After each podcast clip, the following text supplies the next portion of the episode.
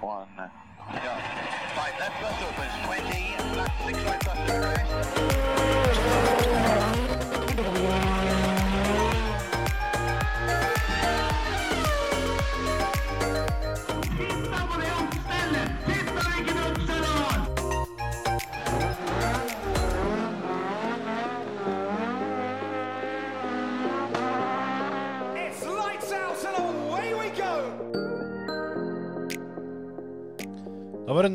Episode av uh, Førermøtet.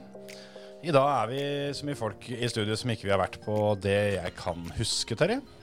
Det er eh, Holdt jeg på å si på denne siden jul, men eh, det, er, eh, det er lenge siden. Ja, det er, det er en bra beta siden, for i dag har vi tatt i bruk alt utstyret vi eier og har. Alle fire mikrofonene. Ja, jeg fant ut rett før vi begynte at vi var ett headset short. Ja, Og det var da 13 minutter før vi hadde booka inn dagens gjest. ja så det ordna seg, det, da. Ja Vi har jo utstyr. Det er bare ikke alt som er kobla opp til enhver tid. Nei, det er akkurat det. Men uh, det ordner seg stort sett. Uh, dagens gjest, ja. Det er jo oss tre, tre vanlige gærningene. Og så har vi, har vi vært så heldige å få med deg, Andreas uh, Bjarøy. Velkommen. Takk for det. Hyggelig du ville ta en tur. Jo, du eh, blir bedt opp til Undrumsdal, så kan du ikke takke nei til det. Det er ikke hver uke, det, si. Nei, det er ikke så ofte. Nei, det var faktisk jo, Du er ikke i Undrumsdal hver dag, du. Nei. Du er kjører mye forbi, greit. bare. På E18. Nei, det, er- det er kanskje greit uh, å gjøre det på den måten.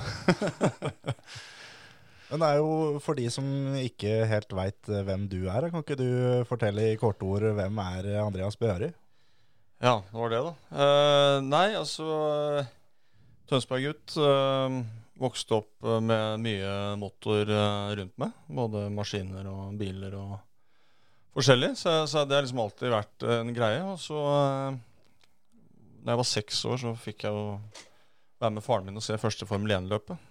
Ikke sant? Da, da, da var jo sirkuset i gang. Da var det i gang, ja. Da er det gjerne gjort, altså. Ja, da. da ikke sant, det, det var jo når jeg var seks år, og det var jo da var vi i 94.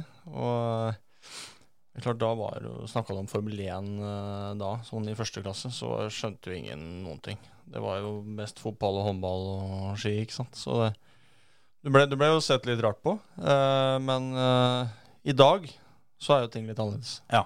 De siste åra har eh, ting, eh, ting endra seg litt der. Absolutt. Jeg tipper det er en, en del førsteklassinger nå som har Formel 1 på lista si, faktisk. Ja, og det er jo det, Jeg merker jo bare jeg som følger eh, en del med, og, og er eh, fått, altså vært så heldig å få være med mye rundt. Da. Så, Mm. så ser jeg jo når folk ser det i sosiale medier, så får jo meldinger liksom Du, eh, sønnen min er sinnssyk fan av eh, han og han, ikke sant, og går an å få tak i ei signert due, og, og de, de barna er jo bare seks, sju, åtte år gamle, ikke sant. Ja, ja, ja. Så det er jo det er jo en stor endring eh, der, altså. Ja. Det er helt sikkert. Jeg husker jeg ble sett på som en ordentlig raring på skolen jeg, når jeg skrev særoppgave om Petter Solberg på barneskolen. Ja. Du var jo en ordentlig raring. Ja, jeg var jo det, da. men, eh, men ja, det, alle andre skrev jo da om uh, fotballstjerner og skistjerner og alt sånt. da. Ja. Mens uh, jeg valgte jo da motorsport. Og jeg tror nå i dag så tror jeg det er vanlig nesten å ta en Formel 1-stjerne, Louis Hamilton, Max Verstappen, Dennis. Dennis Hauger osv. osv. Absolutt. Det, jeg husker når du sier at du skrev en særoppgave Jeg hadde jeg gikk vel i fjerde klasse eller et eller annet sånt, tror jeg, så, så fikk vi sånn Vi skulle skrive om et idrettsstjerne, da. Mm. Så da, da var det jo Da var jo Skal vi se 98, så da var jo hacken på ordentlig på hogget. Eh, Så det ble jo eh, Det ble jo skriving om han. Ikke sant? eh, Da, og det var jo sånn Læreren skjønte jo ikke opp ned på den der greia. Så. Du kunne skrive hva du ville, du. Ja, det tror jeg. At han kjørte Formel 10 eller Formel 1, det tror jeg ikke hadde skjønt noe forskjell på. Sant det. Har, har du lest gjennom den særoppgava i ettertid? Nei, men, men jeg har eh, Det var så morsomt jeg fant den der, Vi lagde en sånn plakat som var ganske stor, med masse bilder og info. Mm. Og der hadde jeg skrevet liksom detaljer på motor. og ikke sant, Det var veldig der, da. Så, Ja, ja. så det var liksom artig å sitte og se liksom 15 år etterpå, etter jeg hadde flytta ut hjemme og begynt å rydde i skapene. Mm. Så hadde jeg den liggende. Så det, det var morsomt. Det er tøft. Det er vel kanskje noe du kunne ramma inn og hengt oppe på kontoret? Det, det, det er absolutt uh, en mulighet for det. det vi, er, vi, er, vi er ikke helt i mål der, eh, hvis du refererer til garasjen. Så er vi ikke helt i mål der ennå. Ja, for eh, apropos det, så fikk vi jo være så heldige at vi fikk lov til å komme en tur til deg og se i går. Ja.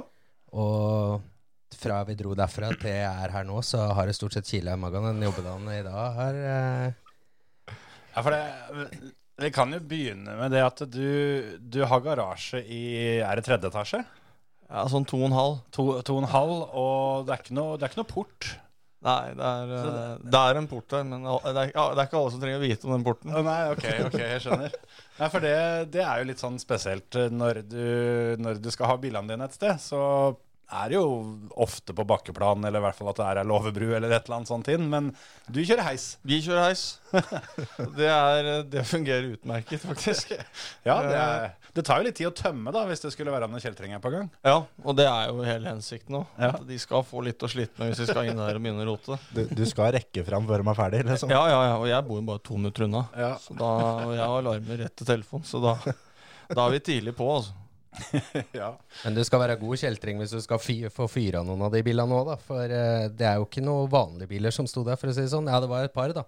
Ja, det var et par vanlige. Vi endte opp i panseret på den eh, P1800-en eh, med to SV-er og en, Vol Ja, altså, en Volvo-motor. vi må jo bare si det. Det står ganske mye, mye heftig bil der. Og vi tok oss i da alle tre at det vi liksom sto og hang over, da, var, var jo da en B20 med to hestegasser her. Og noe som vi da kjenner fra før, liksom. Sto Ferrari her og alt sammen der. Det var Volvo P1800. Der var vi, liksom. ja. Der var dere. Vi sto og lurte på er det B20 eller er det B18. Det, det, det var liksom spørsmålet. Og, og når vi tok oss i det at Men gutter, det, nå står vi med huet nede i denne Volvoen, og så har vi alt dette andre rundt her. Det, det var litt gøy, egentlig. Men, men eh, for å ta den litt videre, da. eh, for å forklare litt eh, hvorfor du har, har alt dette her sånn. For det, nå kom vi fram til at du var med på det første Formel 1-løpet når du var seks. Ja. Så har vel ikke akkurat interessen dabba av. Nei, det har vel heller økt. Og det var uh, Altså, jeg var seks, og så jeg første Formel 1-løpet sammen med faren min på TV. Bare så det Ja. liksom ikke er noe uklart rundt det. Men så, jeg da i 2000, da var jeg tolv år, da fikk jeg være med faren min på mitt første uh, løp. Ja. Altså live, da. Da reiste vi til Hockenheim. Og jeg eh, Altså, mitt store idol var jo da Michael Schumacher. Um, og så eh, hadde faren min fått sånne eh, Hva heter det for noe? Sånn Paddock-pass. Ja, ja. Så vi sto liksom i inngangen til banen. Ja. Og da husker jeg Det var liksom Det største håpet for helga var jo å treffe han, selvfølgelig. Um, så vi sto der og hang, da, og, så, og det var, fant ut var jo på en måte hovedinngangen inn til paddock for alle som skulle inn der. Ja. Så da, da kom jo plutselig så sto jo Mika Hacken der. Det var uh, Jean Alessi, det var uh, Eddie Irvine, det var uh, Jensen Button hadde sin første sesong i 2000. Ja. Så han kom jo uh, skliende der. Og så til slutt så kom jo Mikael, da. Og det er klart, da går det litt rundt i, i huet på deg. ikke sant? Når du plutselig står ansikt til ansikt med han, med capsen og, og, og kamera. da. Så vi fikk tatt bilde av meg og han der, og signert lua og, og hele den runden. da. Så det, det, var jo, det var jo kjempestort. eh, absolutt. Eh, som var kjipt, var at han krasja i første sving i det løpet. ja. Eh, Da røyk en samme Jeg mener det var Fysikella, han som kjørte i hverandre. Så Mm. han dro rett av første sving. Så det var jo nedtur. Og da sto jeg også der når han kom ut igjen etter løpet. Og da var han ikke akkurat uh, veldig fornøyd. Sånn. Han, han dreit i deg og capsen og Ja, da tror jeg han dreit i det meste. Sånn, da bare å komme seg vekk. Så, men det, var jo en, eh, det var jo en kjempeboost uh, som vi sto inne i, ikke sant, i pit lane. Og du sto og så på bilen hans, og du så alle andre teama, du, du ser liksom det der livet som foregår uh, rundt der. Så, så blir Du tror jo nesten ikke det er mulig, ikke sant. Nei. Så, så det har liksom da Fra der og videre så har jo egentlig ting bare eskalert. Mm. Og så var det jo eh, her i 2000 og altså jeg, Vi var jo på mange løp. Vi var i Monaco, vi var i forskjellige steder. Mm. Monza, ikke sant. Og det har vært mange løp i Europa. Uh, men så var det jo etter hvert når Dennis Olsen begynte å, å, å våkne opp, uh, og skulle over i formel. Mm. Og det var helt tilfeldig, for jeg, jeg tok uh, helikoptersertifikatet på Torp uh, i 2008. Mm. Ja. Og da var det en eh, som jobba der, som da er fetteren til mora til Dennis. Ja, ikke sant? Så var vi ute og fløy noe greier på Rudskogen på en sånn festival. Og så da sa han du, nå må du ta med deg Dennis og mora og faren på en flytur. Og da var vi ute og fløy over Rudskogen, da. Og så Dennis fikk uh, holde i stikka, det var- ble kjempestemning. Og da var jo ikke han gamle gutten. Uh, men da skulle han over i, i Formel Renault 2-liter. Mm, mm. Og Så han var 15, da. ja. Og så sier og Espen til meg at du, nå skal vi ned til Barcelona og så treffe på teamet. Altså da Josef eh, Kaufmann Racing. Mm. Så du burde jo ta oss og bli med ned. Og så liksom få sett litt eh, nærmere på det her igjen. Så, for da vurderte vi å være med og sponse, ikke sant. Mm. Uh, så, så vi reiste ned der. Jeg, jeg skulle jo egentlig på kjærestetur med samboeren min. Så hun, hun visste jo ikke noe. Jeg sa bare at du, skal vi, vi drar til Barcelona, og så så er det mulig vi treffer noen eh, kjente der nede og litt sånt noe. Det er mye nordmenn i Barcelona. Ja, det er mye, mye kjentfolk der akkurat den helga. Så, så vi kom jo på Skulle, skulle fly fra Rygge, da. Så, så kom jo sikkerhetskontrollen, og da dæven, der var jo Espen og Dennis, gitt. Så, så, sa jeg det passa veldig bra. Han slapp jo å leie bil og greier. Satt på med de. Og så, og Mona hadde jo sett for seg liksom en sånn litt shoppingrunde i Barcelona, greier, men det blei jo fra morgen til kveld på banen, ikke sant. Så vi var ikke sånn dritimponert. Hvor, hvor langt ute i turen eh, tok det før du virkelig skjønte at det her blir motorsportstur? Eh, Hun eller jeg? Hun? Ja, du, du visste det på forhånd. jeg visste jo, jeg visste jo alt, men, uh, men jeg var litt usikker på hvordan det kom til å bli. da. Men, men hun eh, skjønte vel fort på flyet der at uh, her, uh, her blir det ikke bare kafé og chorizo, liksom. Her blir, her, her blir det litt annet. Uh, så, men, men hun Det som var kult, var jo at vi fikk jo da stå i, i garasjen til gutta, og det var jo det var jo finale i Eller altså siste løpshelg da i um, Formel 1 2 liter. Og så Mm. var det i 3,5. Formel 1 3,5. Og der eh, var jo han eh, godeste um, Robin Frins, Mm. husker han? Mm. Eh, og Jules Bianchi Mm. som fighta. Ja. Så det var jo Frins som vant uh, der. Uh, så det var jo Da sto jo vi i pitboxen og på pitwallen liksom, og alt dette foregikk. Og det var jo veldig mye dramatikk i det løpet. Så det, så det var jo Det var jo da du liksom Du sto der med teamet. Det var foreldre, det var sponsorer, og det var jo et sinnssykt kaos. Mm. Uh, det var jo da liksom kjente ordentlig på at eh, fy faen, dette er sjukt, liksom. Men var, var det på, på den turen der som du bestemte deg for å bli med Dennis Olsen på laget, eller var det Ja. Ja. Det var underveis i den turen? Ja. Så hadde det blitt kjærestetur, så hadde du ikke vært samarbeidspartner med Dennis Olsen? Ja, Det kan godt være at det har tatt lengre tid, i hvert fall. Eh, men det var liksom sånn bare vet du, at det her, de opplevelsene her, da Mm. Du, altså du, du, får egentlig ikke du, du får ikke kjøpt noe billett. Ikke sant? Hvis du går inn på en eh, f1.com eller skal kjøpe et event, så, så får du ikke som kjøpt deg plass. Altså det, det koster i så fall ekstremt mye penger. Å få Mm. stå nede på pitwallen med disse gutta, det, det er sånn Det får du ikke til. Eh, men det er klart, eh, da når du via sånne veier, da Mm. Du sponser og du får litt uh, tilbake, og litt sånt, og så, så står du plutselig midt oppi det. Og det er klart, du får jo helt Altså, du får jo helt på pulsen, liksom. Mm. Uh, og når starten går og alt dette her, og du står liksom uh, 20 meter fra, så du, du får jo nerver, du òg, for å si det sånn. Det er på en måte hakk nummer to etter å sitte oppe i bilen. Ja, det tror jeg. Det er som jeg sa til en her, liksom Du, faen, du, du er jo så oppi det der greiene, liksom. Så det, det tror ikke det blir noe tettere nå, for da må jeg sitte oppi i bilen. Mm. Pluss om det er med paraplyer, eller om det er eh, Ja, ja, ja. prøver å bidra med et eller annet, da. Så, eh, nei, så, så det, var, det var bare en helt vill opplevelse. Uh, så så da, da, eh, siden den gang, så var det jo med Dennis Olsen.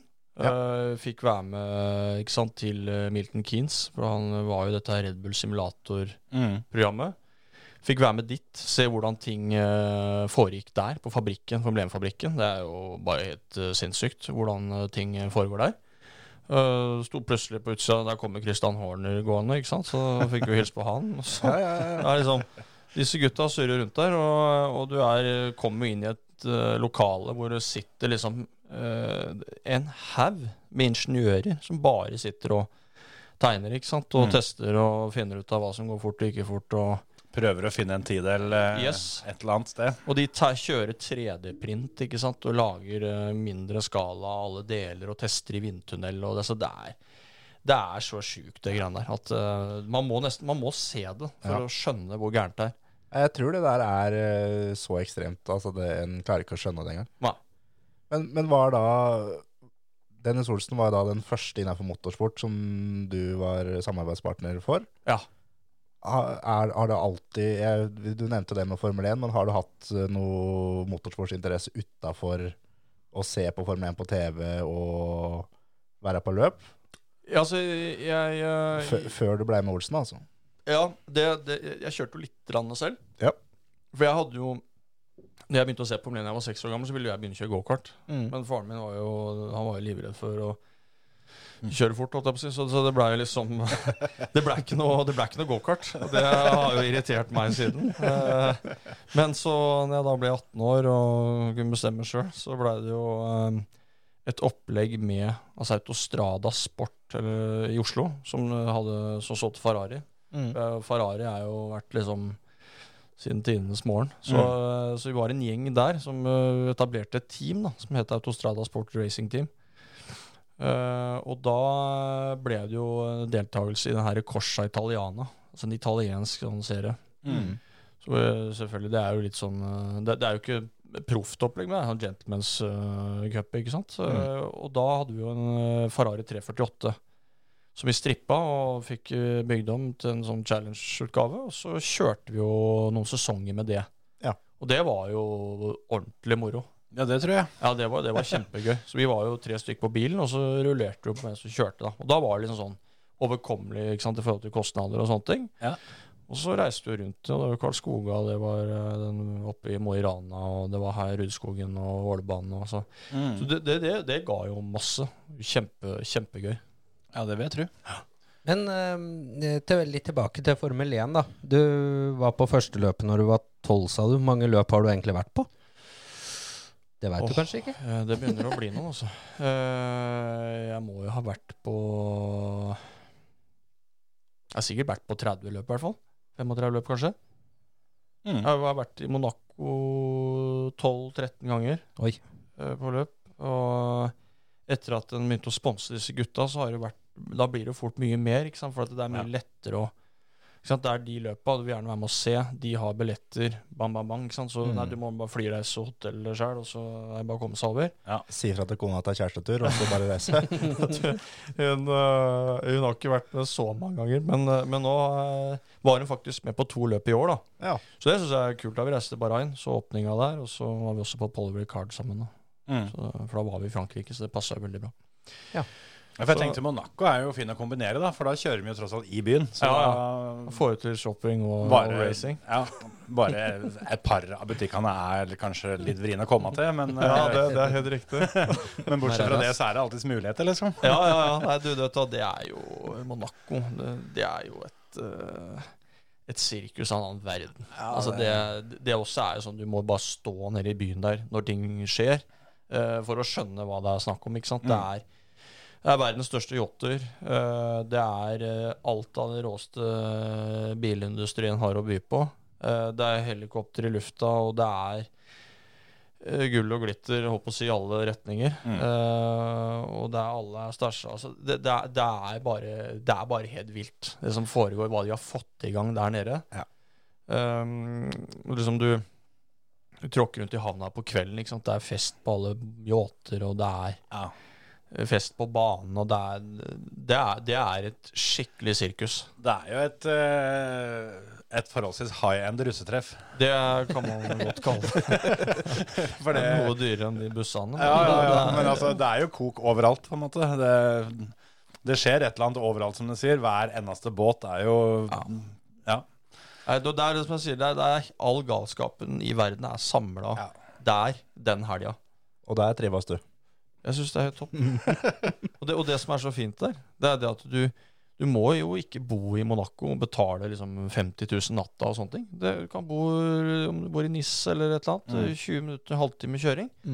Og så kan du gå rundt der i olabukseskjorte. Det er ikke noe Det er ikke sånn at du må liksom Nei, du skal ned der, så koster det 100 000. For det, det er helt feil. Mm. Men, men, eh, men det er jo artig å stå sånn som oppe ved kasino, eksempel. Fredag kveld, og alle de som har et eller annet å vise fram, de kommer jo dit. Ja.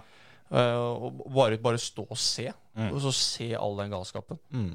Det er, det er en opplevelse i seg sjøl. Du får ikke, får ikke nødvendigvis bord på, på um, Café de Paris der, men uh, du kan stå på utsida, liksom. Og Ja, ja. da, da får du med deg enda mer, antageligvis, enn han som har betalt 250 000 for å, for å sitte på den andre sida av ruta. For, det er for så gærent er jo. ikke sant? Ja, ja. En terrasse på Hotell de Paris, eh, det er jo 150 000 for helga, eller hva det koster. Ja. Så det er, det, det, det, er, det er galskap. Er, eh, men det er, jo, det er jo sånn som vi har snakka om eh, en del ganger òg, at eh, akkurat Monaco-løpet er jo ganske, ganske omdiskutert. da. Mm. Men vi har jo konkludert i hvert fall for vår del at det, det hører jo med. Ja. altså, Den, den der galskapen der, det er jo det som på mange måter er litt Formel 1. da. Mm. Det det.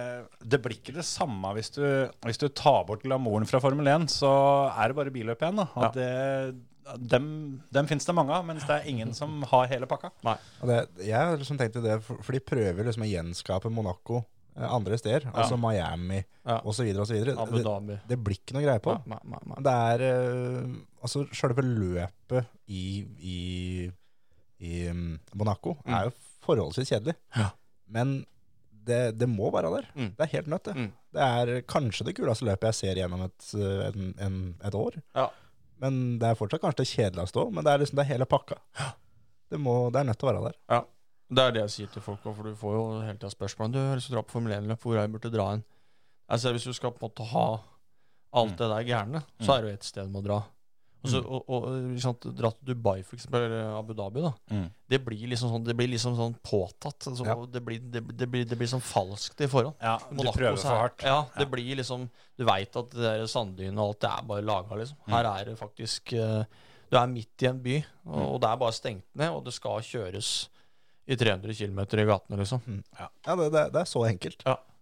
Har, har vi holdt på med det i 70 år, da. Så ja. det er liksom alle Det er vel omtrent ikke noen eh, der som eh, omtrent husker en eh, tid uten at det var, det var løp der hver vår. Nei. Så Det er riktig. det er innarbeida hos, hos alle. Jeg vil tro det er omtrent som at du skulle prøvd å, kutte ut langrenn her hjemme, liksom. Ja, det blir Ja, du, den der Holmenkollstafetten det er- det er oppi, Ja, vi der, det driter i den. Nei, det driter vi. Jeg tror ikke det funker så greit. Nei. men hva tror vi da om neste år, da?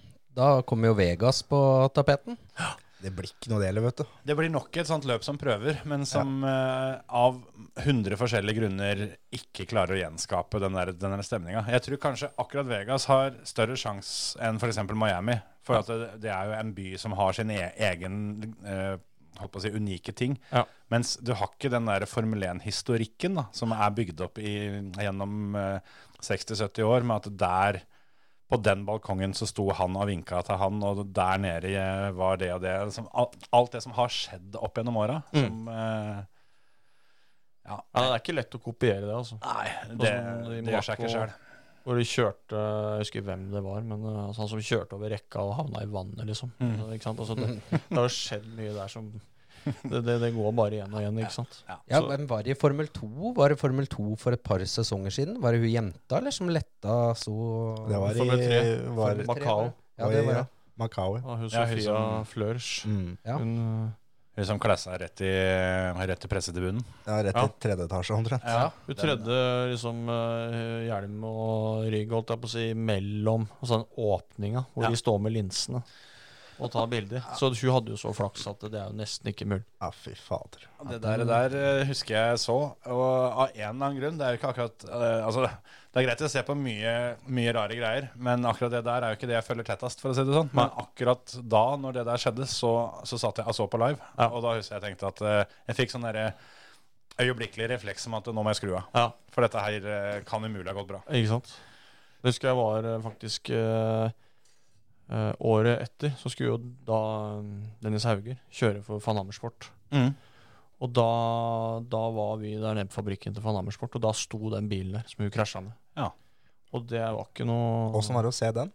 Nei, det, det var eh, det, Ja, jeg har jo et bilde av det. Men eh, det, det der er ikke noe igjen, altså. Det, det, det er bare helt sjukt. Jeg det der den- gikk bra. Den kan du sende som brevpost. Ja, Den er jo flat. Ja, ja. Det, da, da, er bare filler. Liksom. Ah, det er ikke noe Det er, det er akkurat sigaretten hun sitter i. Ja. Den, eh, den er liksom sånn noenlunde. Ah. Resten er bare filler. Det er sinnssyke greier. Så den var, den var brutal. Det er krefter. Jeg har, um, har en um, Vi har gjort litt research som vi pleier å gjøre. Uff Så jeg har, øh, jeg har snakka med noen som, øh, som kjenner deg godt. Oi, oi. Um, og da snakka jeg med Frode Sundsdal. Uff da. Eh, Uff a meg. og vi hadde en hyggelig prat på telefon, vi, og, og spurte om liksom hadde noen historier om deg. da Oh, ja. som, eh, som da du skal få lov til å fortelle våre lyttere åssen de var. Og du snakka i stad om at du flyr litt helikopter, Ja. og liker det og det greier. ja, ja. Um, og så Jeg fikk nummeret, men jeg rakk ikke å ringe. Men det var en sånn race director som heter Pelle Larsson. Uff da. Som, uh, som visstnok uh, du har hatt noe, noe feide med under et, uh, et båtløp i Tønsberg. Ja, ja, Jeg vet ikke om du husker historien, jeg. Jo, det husker jeg godt. om du vil ta oss mellom den, den der. Uff a meg. Nei, du, altså Ja, i og med at jeg flyr, da, så, så spurte jo Frode pent om ikke jeg kunne stille opp uh, i forbindelse med båtrace som skulle gå i Tønsbergfjorden. Mm. Uh, og så uh, tenkte jeg at det er jo gøy, for da kan jeg ligge litt tett på de båtene. så det, det starta egentlig med da fredagen liksom, før denne løpshelgen. Da, så skulle jeg jo hente maskinen på, på uh, Torp, og så fly den hjem. For at, mm. det var litt enklere sånn logistikkmessig. Uh, så mm, på veien eh, hjem, så jeg hadde jo med noen kompiser, så tenkte jeg at det, da kan vi ta en prøvelanding bort på Kalnes der. Ja. Og så uh, begynte vi å nærme oss, og der hadde jo disse teama rigga opp noen telter og noe greier. Så det var liksom øh, første runde, for da flagra det ene teltet av gårde. Så det var jo bare filler, og han der øh, teamkompisen var jo så sinna at fytti helvete, liksom. Det var jo ordentlig huskestue. Så da jeg kom begynte å nærme meg bakken, så, så, så fikk jeg teltet mot meg, så jeg måtte jo bare stikke av gårde. Så da blei det jo ikke noe lunsj i byen. Uh, For, for, for det også nevnte Frode at Frode måtte gå bort og kjøpe det Ja, teltet. han, han måtte gjøre opp for det teltet, da, så da ble det noen tusenlapper uh, fattigere der. Men de Men- må jo, de må jo lære seg å bruke barduner. Ja, det var det jeg sa, du må jo stroppe det fast. Ja, Det er klart kan jo komme med vindkule, så reiser den da òg. ja, ja, ja. Så, men eh, det ble sånn dårlig stemning da. Men så var det jo da dagen etter, eh, på, på lørdagen, så skulle jo det første løpet gå. Og Og, sier, og det her er da, det her er da VM. Dette er VM i Formel 2, båtrace. Og så sier, uh, sier Frode til meg du må du ha med deg en eh, fotograf. Uh, så er det greit. Han sitter på venstre bak, og så har vi døra oppe. Og det, men nei, det turte jo ikke han eh, fotografen. Han var litt høyderedd. Så sa jeg ok, men da Så du skal ha døra igjen? Ja, nei, jeg måtte ha døra igjen, da. Ja, ok, tenkte jeg greit. Og så de tok av, da, og så lå vi liksom øh, Sto vi i hover over øh, den her fjø- skolen. Vet du, Før du kjører inn i Slottsfjelltunnelen, så har du den gamle yrkesskolen på høyre hånd der. Ja, stemmer. Så jeg sto egentlig ganske høy over, over den skolen, og så kom jo de utover fra brua, ikke sant, langs bryggekanten bortover, gjestehavna, og så gjør de en turn eh, liksom mot Kalnes. Så da drev jeg hele tida tima, for da, da diva jeg ned. Så når den, han gikk i turn, så kom jeg liksom inn og, og litt bak. Ja. For hvis jeg kommer foran båten, så blir det farlig. For at da får de rot med luftstrømmen foran båten. ikke sant? Ja, det var det jeg tenkte på. Det blir litt samme effekten som teltet, gjerne. Ja, ja. Så, men, eh, men jeg la meg jo da Syns jeg sjøl lå dritbra til, ikke sant. Og, men jeg lå jo tett på, da. For at det er jo, må jo få noen ordentlige bilder av det. Det var jo derfor du var der. Ja, og derfor jeg var der. Så kan jeg stå på land og slette bilder.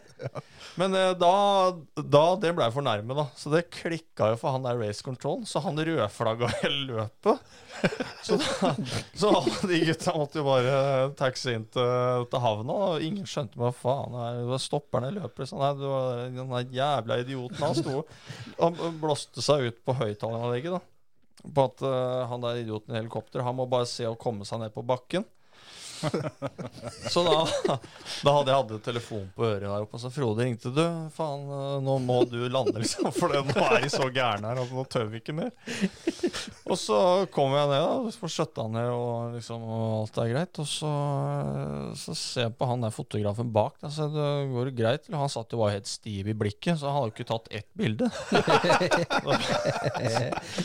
han var bare til pynt. Ja, han, hadde bare satt bare helt i ro, liksom, og han var livredd. Så for det der stupinga, det hadde ikke han vært med på før, Ikke? Så, nei, så da fikk jeg, da fikk jeg litt kjeft, da da jeg landa. Altså til ingen nytte, da. ja, så det var ikke et bilde engang. Liksom. Det eneste jeg har tatt bilde av, det er fra land, når jeg ser jeg ligger helt nedpå den båten. Ja, ja. Du kommer imot der, da. For jeg, jeg, har sett, sett et sånt bilde tidligere. Jeg Ja. visste ikke at det var deg. Ja, det var meg. Uff meg. Når du prøver å lande på en, eh, en Formel 2-båt i fart. Ja, ja. Jeg må ha skidden, uh, skidden litt nedpå. Jeg lærte det der av en eh, litt sånn eldre sånn gærning som har flydd helikopter i alle år. Som heter Ole Aronsen. Og han, eh, han fløy jo eh, mye nede i Arendal når disse offshore 1-båtene holdt på. Ja. Og så, Da fløy han med en sånn eh, Robinson 44, og så hadde han med seg en eh, fra Eurosport. For de der eh, løpa der gikk jo live på Eurosport. Mm. Og så, så, så kom han uh, flyvende, og de båtene gjør jo sånn 120-130 knop. Så de, de klarte liksom sånn ikke helt å følge de, men sånn nesten. Mm. Og så sier han øh, Og han er ganske gæren, han piloten her. da Så han, øh, han, han driter jo helt i det, liksom. Så da begynte han bak, bak i han julesportkaren. Han bare, Fast and lower, fast and lower. Hva var engelskmann. Og så jeg skal faen meg gi deg fast and lower. Og så bare fløy han ned, så banka han skidden i panseret på den der ene offshore 1-båten. Så den fikk seg en sånn, sånn flyver. Så, og da da blei jo han litt vettaskremt, han i baksetet. ikke sant? Så jeg tenkte at Det ble eh, han inne i båten òg, vet du. ja, ja, de lurte nok. De på hva faen er den maskinen skal helt nedpå båten ja. Men eh, altså, jeg har lært et par triks av han. Jeg, jeg, skal ikke, touche, men jeg skal ligge nærme nok, i hvert fall. Ja. Men er uh, helikopterflyginga er det noe du driver med mye, eller er det bare sånn for hobby, for gøy, eller er det noe Nei, altså det, det begynte jo Altså Interessen der òg kom jeg var sånn 12-13 år. Da mm. Faren min som ble flydd på noe greier, og så fikk jeg være med, da. Så sier han, øh, han Det er jo da sønnen til han jeg akkurat snakka om, øh, som da drev helikopterskole på Torp. Øh, han sa til meg at du må komme opp på Torp og så må prøve. Så sier jeg men faen, jeg er jo 13 år. Jo, jo, men det er ikke noe Bare instruktøren mener at du er skikka til å fly, så, så, så er det lov. Ja, ok, greit. Og det var han. Ja, eh, så jeg møtte jo opp der da, og fikk jo ble tredd inn en sånn Robinson 22. Det er en sånn liten toseter. Og så eh, Da fløy jeg jo Begynte jeg å lese, for jeg måtte ha teori, ikke sant. Og holdt på med det. Så fløy jeg med instruktør i noen år. Fram til jeg ble 16, for da var det lov å fly solo. Da var det lov å fly aleine. Ja. Så da fløy jeg til Kjevik eh, lufthavn i Kristiansand fra Torp aleine som 16-åring. Så det var jo nok eh, Det var jo tidlig. Så Når jeg ser andre 16-åringer i dag, så tenker jeg dæven, det der jeg, jeg håper ikke du skal gå ut og fly helikopter, liksom. Nei, nei, jeg husker jeg eh, Vi hadde jo så vidt begynt å kjøre bilcross, Hans Martin. Så Ja. vi hadde nok med å finne ut av clutchpedalen, liksom. Du var ute og fløy helikopter. Takk Ja faen for at dere ikke fløy helikopter da dere var 16. Det er helt riktig. Det hadde faktisk ikke vært noe særlig. Nei, så det var jo da eh, full rulle med det. Og så når jeg ble 17, så, så tok jeg da Det er to typer sertifikater i lufta. ikke sant? Du har PPL, som her står da for Private uh, Pirate License, og så har du CPL, som er det da kommersielle sertifikatet. Mm. Så PPL kan du ta når du er 17 år. Så jeg tok jo det da jeg var 17, så jeg ble den yngste helikopterpiloten i Norge. Det var, så det var jo et mål liksom, når jeg begynte med dette. da. Måtte jo få tatt det så tidlig som mulig. Så da, da fløy jeg jo litt. øh, Fikk låne en maskin og, holdt på og surra rundt. da. Så vi var jo, gutta skulle på hyttetur. Vi var 17, så ingen hadde billappen. Så da fløy vi. Jeg tok helikopteret. Da var det flytur. Enklere, det, Det da. Det mye enklere. Nei da, og så, og så var det jo da når jeg var ferdig på videregående, så flytta jeg bort til Torp et år. Og så tok jeg det kommersielle sertifikatet òg. Ja. Jeg tenkte at den utdannelsen har jeg på en måte liksom begynt på, så Mm. det vil jeg også fullføre. Mm. Så da jeg var 19 år, da tok jeg altså instruktørrettigheter. Da. Så, jeg, så da var jeg instruktør på skolen Ja. noen år. Men det var jo mer sånn frilans opplegg, da, for da hadde jeg begynt å jobbe hos faren min i tillegg. Mm. eh, og, og begynt med dette her auksjon.no, som, ja. som vi hadde liksom på trappene da. Så, så det ble jo sånn frilansmodell for min del. Da. Så jeg fløy vel en sånn alt fra 20 til 50 timer i året, litt avhengig av Mm. Eh, hvor mye jeg hadde tid til. Så, men eh, holder eh, sertifikatet ved like og flyr en tur i ny og ne, da. Det var akkurat det jeg skulle spørre om, om du holdt dette ved like. For hvis vi plutselig fikk dårlig tid igjen da, så Da er det bare å ringe. Ja, eller eh, om, vi, om vi vil ned og kikke litt på båtrace. Jeg vet Ja, kanskje ikke om ja, du ja. er velkommen der fortsatt? Nei, det får vi se på. Det kommer litt an på han der race directoren, tror jeg. Så lenge ikke det er Pelle Larsson som er race director, så tenker jeg det går fint. Nei da. Så det er litt, eh, litt flyving i ny, og det blir det. Og det, det har jeg hatt uh, veldig mye morsomt med. Mm. Men har du sånn da med flyving som uh, hva sier mange andre har, at de går seg en tur i fjellet for å koble av og slappe av? Er flyving litt sånn for deg? Ja. At da det det er. kobler du ut og Du bare blir- nyter, liksom? Du blir veldig ikke sant? Du, det, det krever fokus å drive og Ja da. fly. Så, så, så det er, du, du kobler jo helt ut Mm. sånn på andre ting. Fokuserer på det du skal gjøre når du er i lufta. da. Så, så det har vært en fin sånn avkobling for min del i en ellers liksom stressende hverdag. Mm. Uh, så absolutt. Du er jo Du får jo ikke mer frihetsfølelse enn å sitte oppe i Mm. noen tusen fot og glane på verden. ja, Der er du aleine, i hvert fall. Eller med mindre du har med deg noen, da. Ja. Men uh... Ja, Hvis ikke han gamle, gamle instruktøren din kommer og setter skidden nedpå, liksom. Så Det å banke på litt. Nei da. Du var jo inne på det vi egentlig var på vei til å komme fram til i stad, med auksjon.no. For eh, det er jo da via det, blant annet i hvert fall, som du da endte opp med å, eh, å ta det der sponsoratet videre. Det begynte med Dennis Olsen, mens nå er vi på Dennis Hauger. Ja. Og du har vel også vært med han en stund, har du ikke det? Jo. eh, det som eh, Altså, vi, før, vi, før 2012, da vi begynte å sponse Dennis Olsen, så hadde ikke Altså, vi hadde jo ikke noe brand som på en måte var noe å liksom sette på en bil, sånn i utgangspunktet. Så det klaffa veldig bra, for auksjon.no ble jo sånn Starta som et eget selskap i 2012. Mm. Uh, så så det, det, det var liksom tenkt at dette her brandet her, det, det vil vi jo ha ut. Ikke sant? Og, og appellerer jo til folk som er interessert i motor og maskiner og, og, og den biten der. Så det starta veldig fint med det opplegget til, til Dennis Olsen. Mm. Eh, og har jo fortsatt eh, videre med, med Dennis Hauger fra 2017. Ja. Begynte vi å sponse Dennis Hauger. Ikke sant? Det var jo da det året han begynte å kjøre Formel 4. Ja, Så dere kom inn uh, omtrent likt som det du gjorde med Dennis Olsen i sin tid? Ja, det er helt riktig. Så egentlig liksom etter uh, siste år i gokart, uh, Mm. vi tar steget opp, Ja. og, det liksom, og ting begynner å koste mye penger, da. Det er klart, da er jo mer avhengig enn noen gang, ikke sant, å få Ja. samla inn midler, da. Ja. Så det var, det var liksom der, eh, der det begynte eh, med disse gutta, og eh, det er klart at Skal jeg si, det med Dennis Olsen ble jo litt sånn Det gikk jo over i Porsche, ikke Mm. sant? Mm. Den siste sponsorperioden vår. Mm.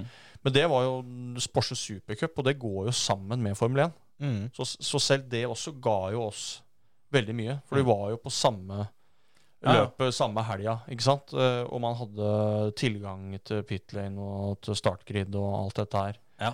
med Porsche. Mm.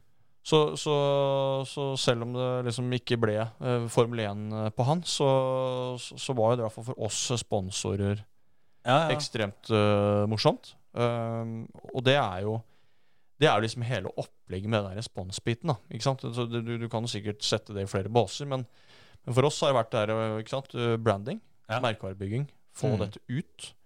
Uh, og så er det jo ikke minst liksom uh, menneskene du møter. Ja.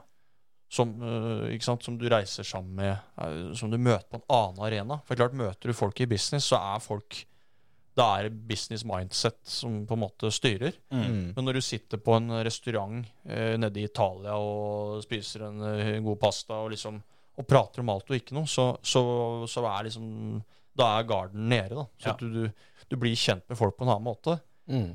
Og det har jeg veldig trua på at liksom gjør ting litt lettere, da, hvis man skal gjøre ting sammen. Mm.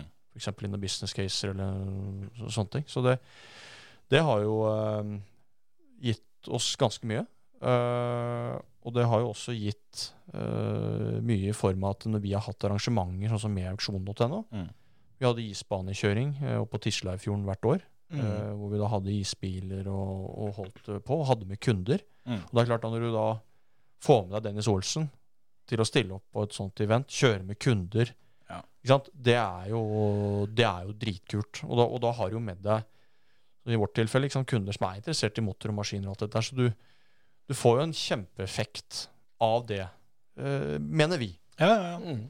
Du gir dem rett og slett en eh, opplevelse som ikke er så veldig enkel, i hvert fall. Den er ikke, den er ikke så tilgjengelig for alle, da. Så, og sånn som det der, og som du sa, det med å ta et businessmøte eh, Hvis du tar dem med på en Formel 1-helg, så vil jeg tro du blir kjent med dem på en litt annen måte. For eh, du kan, eh, du kan være så tøff og hard du bare vil, men akkurat når, eh, når, når Formel 1-bilene blåser forbi, så, så blir du deg sjøl. Ja, ja. Da, da blir alle seg sjøl. Blir sånn halvreligiøs. Ja, rett og slett. Ikke sant? Så, så Nei, så det, det, det, det har vært en, eh, en fin eh, arena for eh, spesielt auksjonen da, mm. å være med på.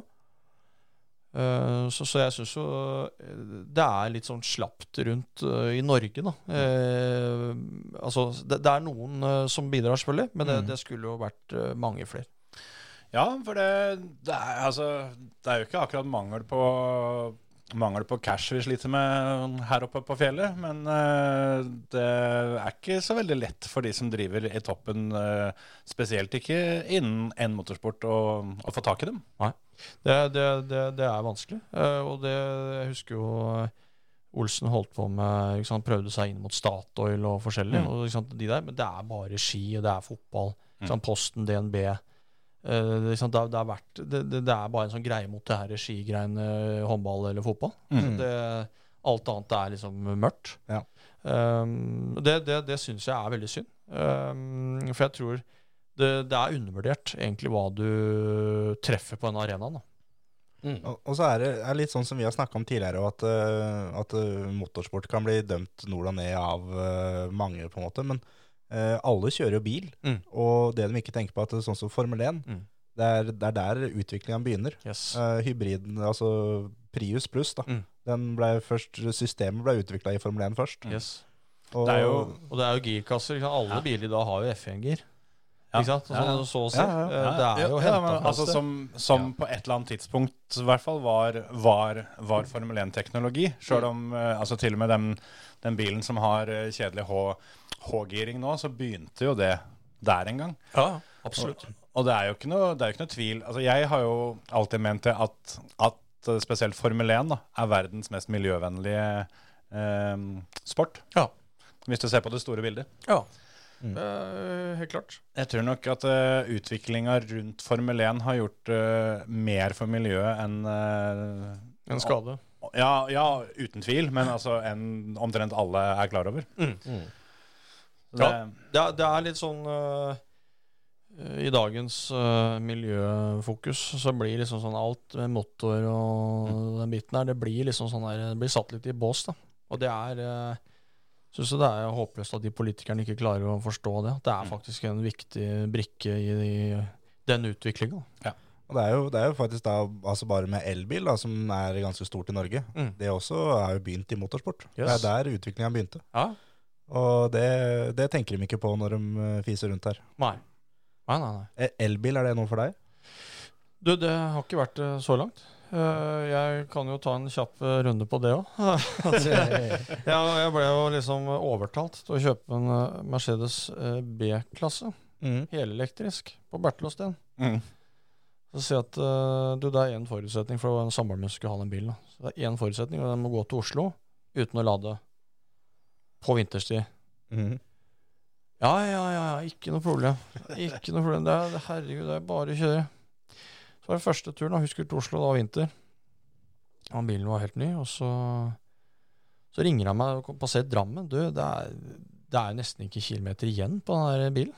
Så jeg, men jøsse navn. For den skulle gå 23 mil. Det var jo ikke noe problem. ja. Så sa han du får bare skru av det du kan skru av, så får vi prøve å, å hanke deg inn, liksom. Så kom til Liertoppen, da var det stopp. Jeg tenkte på det. Det er, det er fint på Liertoppen, hadde jeg tenkt å si. Kanskje du klarte å trille ned til Asker. Ja. altså, det, så jeg, jeg blei så forbanna. Så, og da, da, da hadde vi jo heldigvis en sånn bergingsbil på auksjonen. Ja. Så jeg fikk med han sjåføren den søndagen, for hun kjørte innover en lørdag. Og den ble jo stående, den bilen. Måtte ta taxi inn til en bursdag hvor det er bare rør. ikke sant? Ja. Så dro vi den der driten opp på planet, rett ned på Bertil Osten Tønsberg, og bare heiv den bilen av, så han sto fire millimeter fra den der inngangsdøra til butikken. Og så heiv jeg nøkkelen inn i det der eh, nøkkelhullet. Så Så tenkte jeg nå skal ikke jeg si en dritt. Nå kan de ringe når de passer. Mandag morgen så ringer han selgeren. Du, se en bil stå på. Ja, det, det, det kan jeg love deg. For det der dritt der skal ikke jeg ha. Nei, men er gærent? Nei, se, men du, jeg sa det er én forutsetning for at jeg skal ha den bilen. Ja. Og det er at det skal gå til Oslo uten å lade.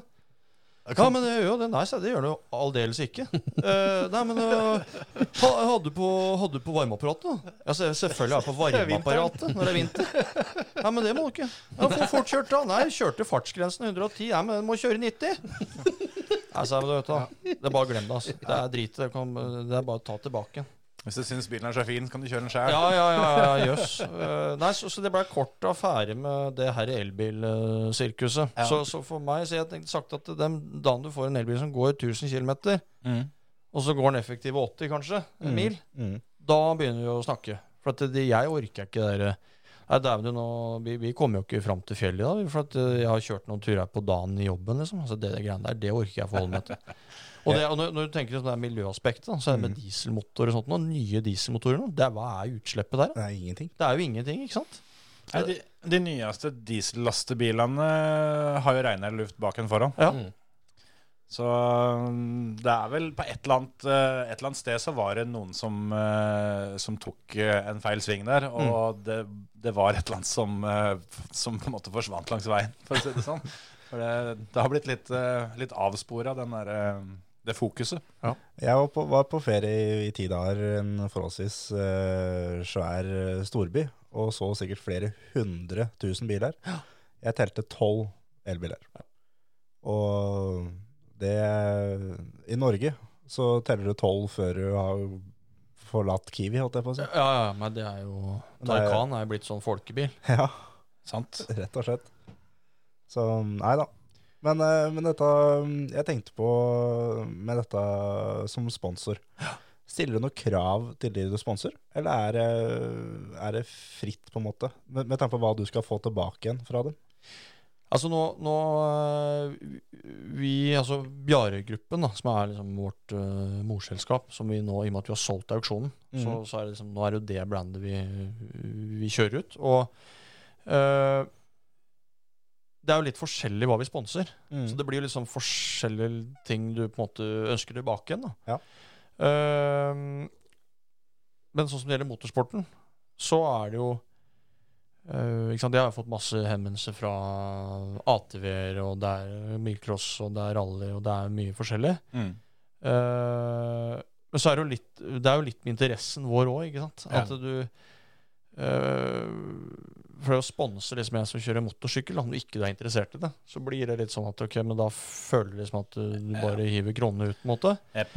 Um, men sånn som det gjelder da formel, så, så er det noe vi virkelig brenner for. Ja. Uh, og mener er en bra arena å være på. Mm. Så, så, så, der, eh, der gir man jo heller litt skikkelig gass. Mm. Uh, men det er klart, når sånn som disse utøverne bærer vårt navn rundt på om det er dress eller bil, så forventer du selvfølgelig igjen at de, uh, de gjør det på en ordentlig måte. Sant? At, uh, for, for dem uh, De blir jo kjente ansikter. Som Dennis Hauger nå er jo Mm. Det, det er, går sammen med han uh, på gata i Oslo, så, så, så blir det jo stoppa. Altså, Ja. Folk uh, skal bort og ha autografer, og det er mye greier. Mm. Uh, så du, du forventer jo, sånn som han da, ikke sant eh, Om det er, ikke sant du, Han står jo ikke og drikker seg dritings uh, offentlig, altså sånn Mm. uh, før en løpshelg. Altså, det, det er en del sånne ting som alkohol og fest og den biten der. Mm. Det er jo klart noe vi er ganske klare på. Ja. Uh, Jeg er jo selv avholdsmann og er veldig tydelig på at sånne ting skal vi ikke ha. For det mener jeg skader ting. Mm. Um, og så er det jo det at du har jo en forventning om at det du putter inn av penger, skal jo om ikke liksom generere sånn direkte i kroner og øre tilbake, så er det i hvert fall enten om det er synlighet. Eh, du treffer noen andre på den arenaen som du kanskje gjør noe business med. Mm. Ikke sant? For du, du kan liksom ikke måle sånn som for vår del da vi hadde auksjonen. Så var det jo ikke sånn at når den bilen gikk på TV-en, så, så fløy liksom klikka og, og sidevisningene i taket på auksjonen. Det, det, er liksom, det, det, klarer liksom ikke å måle helt. Men, men det er jo den der eh, bygge kjennskap og? Har de plutselig noen kunder som kan være kunde av oss, eh, eller noen sponsorer som er kunde, potensielle kunder av oss, så, så forventer man jo litt at ok, kanskje da jeg skal selge ti lastebiler, ok, da kontakter jeg auksjon.no, og vi fikser det. Mm. Altså det, liksom, så det, det blir litt mer sånn, da. Ja, så ja. du, du på en måte har litt, nettverk. ja, litt mer forventning uh, å få, da. Mm. Mm. Absolutt. Så er det jo litt sånn som det du, det du var inne på tidligere òg, med, med eh, det å være med på løpshelg. Mm. Uh, og at dere får være med på en litt annen måte. Uh, og skulle du kjøpt det for penger, så hadde du kanskje kommet ganske langt på vei for sponsoratet bare der. Ikke sant? Det, Så- det, det, er- det er jo akkurat det. Ja. Vi hadde jo f.eks. Uh, nå i Monaco i år, når Dennis da vinner Mm. lørdagsløpet, så, eh, så da, da er jo vi inne, eh, ikke sant? Pit lane. Mm. Eh, jeg sto sammen med Harald og Tom Erik eh, når han kjører i mål. Mm. Og det er klart at eh, da når du har sett på den sporten fra du er seks år, eh, du, du står der, eh, du vet at omtrent hele Norge har liksom skjermen på å se på hva er som foregår her. Ja. Mm. Og så kommer han eh, gutten fra Aurskog og, og kjører først i mål Mm. i det løpet. uh, ut på startgriden, og det er premieutdeling og den der opplevelsen der, da. Mm.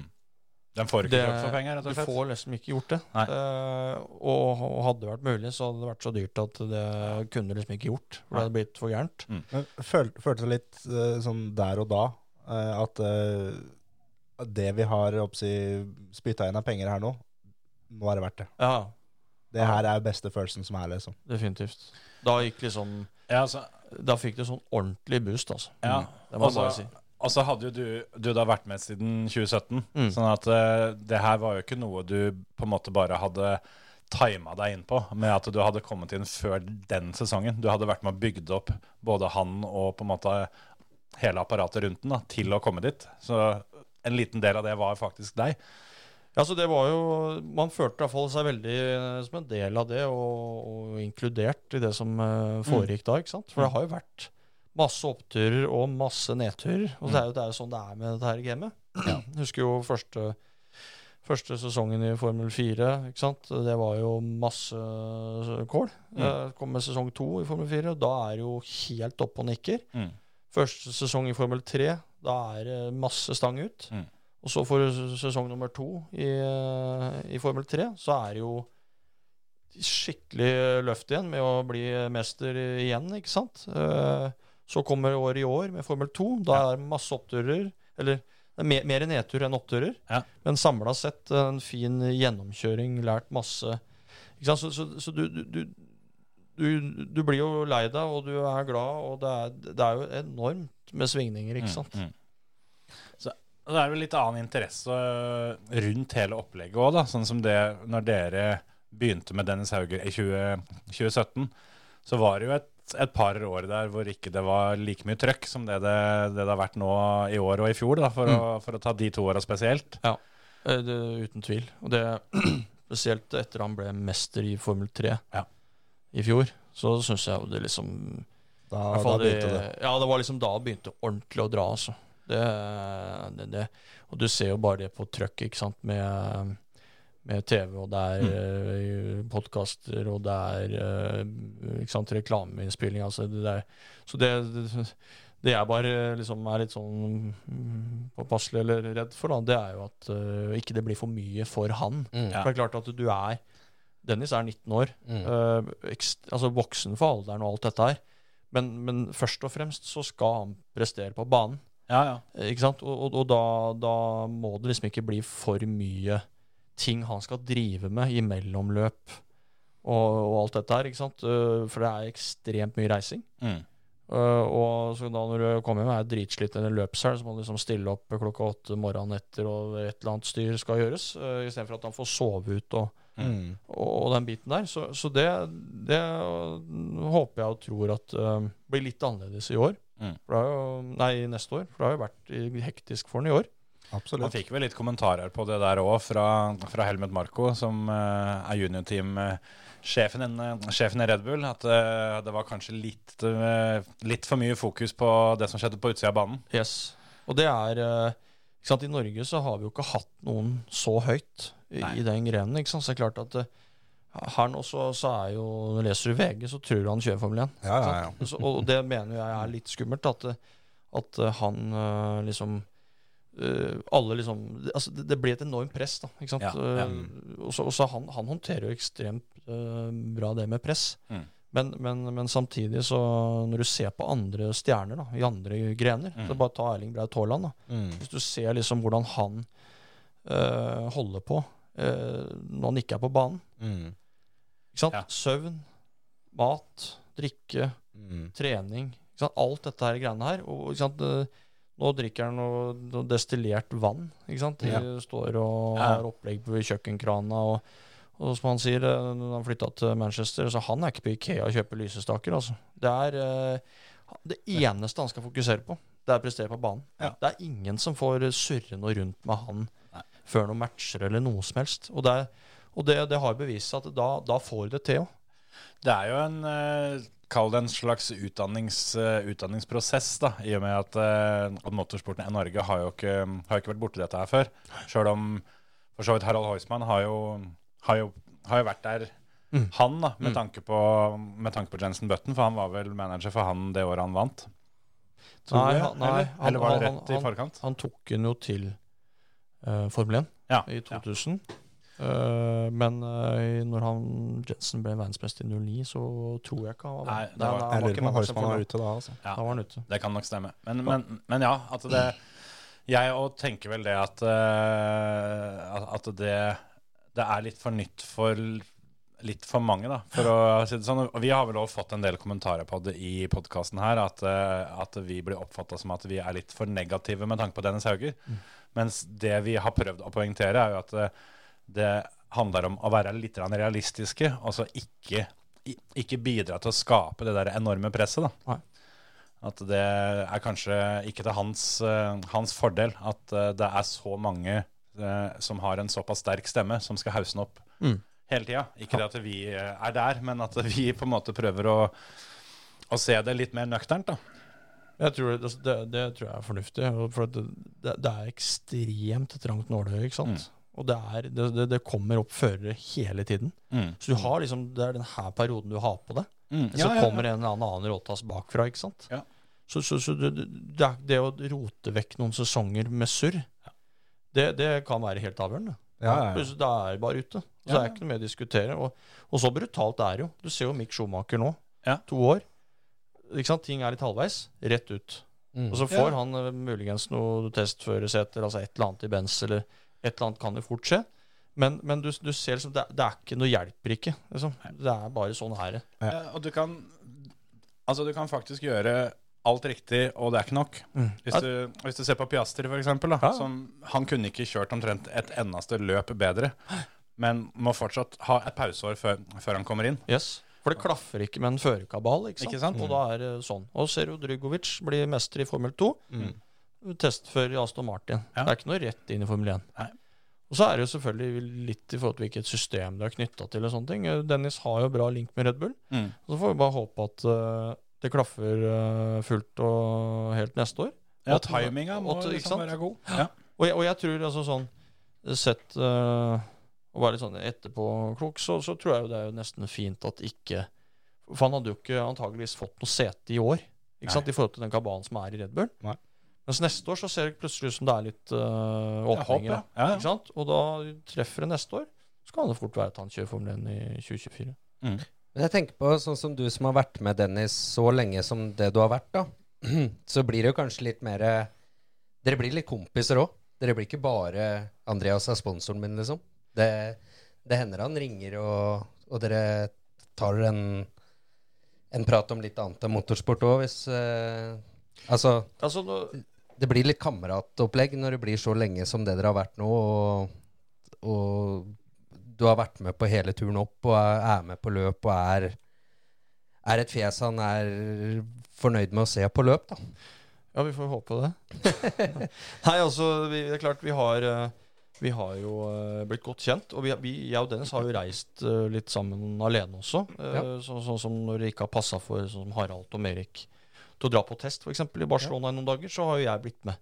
Mm. Det er klart jeg bor på eh, samme rom i ei uke uh, nedi der. Og det eneste du skal drive med, er kjøring, og jeg kjører fram og tilbake og ordner mat og holder på. Så du blir jo godt kjent, og vi tekster jo jevnt og trutt, ikke sant. Og du, eh, du vil jo gutten bare vel, Ja, ja, ja. eh, ikke sant. Og, og prøver å backe opp når ting er kjipt. og og, det, og du, du blir jo glad i gutten òg. Ja. Du, du føler jo litt sånn eh, det er klart, Da er jeg en del eldre enn han, men, men allikevel så eh, du, du kjenner på den. Du bare vil så inderlig da, at det skal lykkes. At det skal gå, ja. Ja, Så du vil jo bare bidra med det som er mulig, liksom. Altså Det som jeg har sagt, sagt han hundre ganger, er eh, Vil du komme til Tønsberg en helg og slappe av, så gjør du det. Eh, Skal du dra på fjellet en tur, så gjør du det. Altså det er bare, bare si fra. Det er liksom eh, Man vil jo bare at dette skal bli en eh, eventyrhistorie. ikke sant? Mm, mm. Ja, og da er jo det en flott ting å gjøre. Altså at du kan bruke personer som er med, da, som,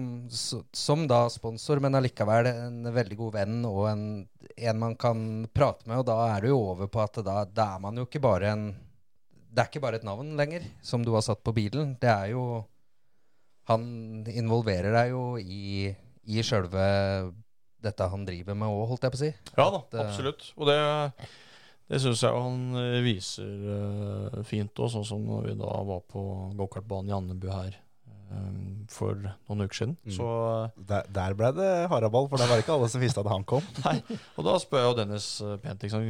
Begge barna mine kjører jo gokart. Og da ringte jeg han og sa du kan ikke du ta oss og synge opp om det var en lørdag, for han skulle jo på den her gallaen nede på, på Brunstad. Brunstad. NMK-gallaen, ja. Ja, Mm. NMK-gallaen.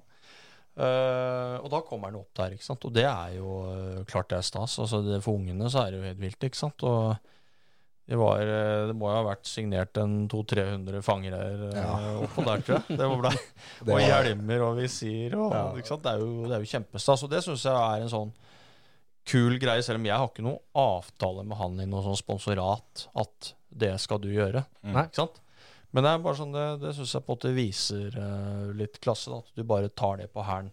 Ja, Uh, stiller opp og sånt. Mm. Det er det jeg mener med litt sånn at det, det, det har gått over fra at Andreas bare er sponsoren min. Han er faktisk kameraten min og en jeg trives å være sammen med, da, utenom akkurat dette som bare gjelder bilsport. da. Men det er sånn oppe i, oppe i Andebu så, så ble det signert mye fangere og hjelmer, som du nevnte. Og til og med naboen din, Hans Martin, Arild på over 70, fikk signert både kart, frontfanger, sideboks, hjelm, alt som var. Og det hadde noe med at vi putta Dennis i karten til Arild, da. Og det visste jo ikke Dennis om når han kom. Og, og sa til han at du må jo kjøre, det karten står der. Ja, men jeg har ikke dress. Nei, men den er her. Ja. Ja, men jeg har ikke sko. Nei, men det får vi tak i der. Og vi var jo rundt hele depot og ordna kjørestyr og alt sammen. Og det, det var i hvert fall uh, Arild uh, sa i hvert fall det kom etterpå til meg, at det, jeg må ha en ny frontfanger, en ny frontkåpe. Og det her sånn skal henge på veggen. Det, det er nå signert. Det er rart han ikke kjøpte helt ny kart. Ja, det, Nei, da måtte han kjøpe nytt seng til kjerringa òg. ja, det, er akkurat det. Det, er, det er derfor ikke vi Ja, nevner men der har ikke eh, Dennis vært. Man kan jo skru på senga til Arild. Altså. Det må, det må vi ikke håpe, altså. Han har vært der og hoppa, hoppa i fjærene. Nei, nei, nei. Men det, det som var kult med det, var jo det at han satte seg i karten til han eh, kameraten, og så Og alt han hadde, var lånt. Ja. alt, så- altså. Ja, det var ikke altså, hjelm og hansker og sko, alt, det var, alt var lånt. Og så gikk det mange runder, gikk det. Fire-fem runder. Ja. Og så har jo ikke han kjørt eh, skal sies, han har jo ikke kjørt KZ-kart mer enn én eller to ganger i 2014. Mm. Ja, Ikke sant? sant? Det er mange år siden nå, altså. Da var ikke han så gamle spretten. Nei, nei, nei. Men han gikk jo ut, og så Jeg tror han eh, Arild Arild han heter. Ja. Han holdt på resten av dagen han må prøve å slå tida til Dennis. Og, og, og det var med at Dennis satt den tida under opptørk. Ja. og med regnhjul. Arild satt på da sliks etterpå, og det var tørt. Og tok fortsatt ikke tida. Nå er vi slemme med Arild, syns jeg. Jeg. Nei, nei, jeg er Nei, men det bare altså. viser, da. Ja, ikke sant? ja, Hvor, det, det er nivå. nivå rett og nivået på disse gutta. Mm. Arild, sa, sa jo det sjøl òg, at det, det er et nivå som det kan ikke Ja. beskrives. Nei, nei, Liksom. absolutt. Så, men du nevnte jo så vidt at, eh, at barna har begynt med gokart, og det var jo nå i år. Ja, Og, så du er jo på en måte fersk gokartpappa. ja det, det, det er helt riktig. Åssen er det? Nei, du, altså det, Jeg syns jo det er kjempegøy. Og, og jeg kjøpte jo faktisk gokart til han eldstemann når han var fem år. Så kjøpte jo jeg en CRG som Tom Erik hjalp meg med. Mm. Så den var jo jeg og Ludvig, da, som heter han sønnen min, vi var jo oppe hos de på Aurskog og fikk skrudd dette sammen. Så han driver og kjørt litt øh, og herja på noen sånne parkeringsplasser som vi har litt tilgang til. da. Og så har det liksom vært litt sånn, øh, litt sånn av og på. Eh, men så var det jo her i høst, når det var den Porsche-festivalen på Rudskogen, Mm. da kjørte jo Dennis Formel 2-bilen. Ja. Og da, da når vi dro derfra, sa pappa nå har jeg lyst til å kjøre gokart igjen. Ja. Jeg tenkte det er greit, da må vi bare komme i gang. Og så var det jo en, en kollega av meg som, øh, som også hadde begynt der oppe med dattera si å kjøre. Og da var det liksom lettere å på en måte time opp litt og sånt, for jeg, jeg er ikke noe særlig til å skru. Så det, det var litt sånn der øh, terskel for å, for, for å gjøre det. ikke sant? Og du reiser opp der og begynner å holde på. Når du, du tror jo bare det er proffe folk rundt deg og sånn. Mm. Men, øh, men da bare heiv vi de kartene inn og, og dro opp i Andebu. Og det må jeg bare si at den der mottagelsen da, som du får på et sånt sted, en sånn arena, alle vil hjelpe til, ikke sant, og viser og forklarer, og ikke minst da Terje og gjengen med CIG-opplegget, som kommer med tips og triks og, og deler og alt dette her, Mm. så ble jo det bare en kjempekul greie. Så, så fra den dagen, første dagen vi kjørte, så har vi jo vært der tre ganger i uka. Ja, for for det, det husker jeg jeg nevnte til deg en gang som jeg var der. Som jeg sa at det, jeg føler at jeg er, er der oppe mye. Ja. Men den jeg alltid ser når jeg kommer, er jo dere. Ja. Og dere har vært der altså hver trening. Ja. Så Det det, var ikke noe skulking der. Og det, og det var det som var kult. var Gutta sjøl som ville opp og kjøre. Jeg tenkte at nå skal ikke jeg pushe på her. Så da får dette komme litt sånn naturlig. Men det, pappa, er gokarten i dag, eller? Ja, det vi kan dra opp og kjøre da. Og så ble det litt sånn at vi måtte kjøre litt, øh, ikke sant? For det, vi kunne kjøre til ni, men det ble mørkt. Så så er det ikke lys der oppe. Så tenkte jeg at da må vi jo ta litt tak i det, da. Så vi fikk jo kjøpt inn jeg tror det var en åtte-ni sånne lysmaster. da Så vi har fått lyssatt banen. Så vi kunne kjøre til klokka ni. ikke sant? Og mora stein gæren, for de kom jo så seint hjem. ikke sant? Og får ikke lagt seg før titida, og skolen dagen etterpå. Nei da. men, men med de lysa der, så husker jeg var der den første kvelden når de ble dratt i gang. Ja. Som jeg da sendte melding til lederen i klubben, som jeg kjenner veldig godt. Dæven, så fint det ble med de lysa dere har fått der oppe. Ja. Lys? Vi har, ikke, vi har ikke satt opp noe lys. Så sendte jeg meg bilde, og så bare ringte meg en gang. så er det jo Hosken? Ja, ja det er Hosken. Hvem er det som satt og lys her nå, da? Så, jeg veit ikke, jeg, sa jeg. Men det, men det er i hvert fall lys her. Ja, da var, det- da var det lys. Da var det Singapore Grand Prix der. Ja, ja det, er jo, det er jo helt, helt genialt. Men er det noe som før, Er det noe du bare Det tenkte på at det her må vi ordne. Og så bare Ja. ordner det på en måte. Ja.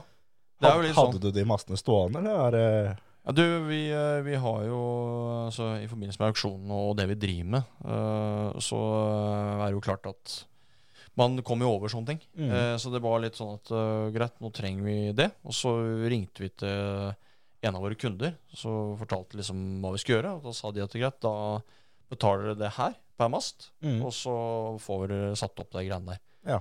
Så, men det ble jo en slags spons fra oss da, ikke sant, Ja, ja, ja. eh, til eh, klubben. da. Så eh, nå driver vi og jobber med faktisk å se om vi kan klare oss å få gjort det ordentlig. da. For det er klart at det er jo litt sånn Det er ikke alt som er bra dekt på banen i forhold til lys. Så, så nå jobber vi med å prosjektere og gjøre det ordentlig. Altså det vil jo si Legge permanent. Yes, Ja. og få prosjektert det skikkelig, og så, og så få handla inn det som eh, trengs. da. Så får vi se hvor langt ja, det går. Da blir Singapore. Det blir eh, Det blir en liten fis i forhold.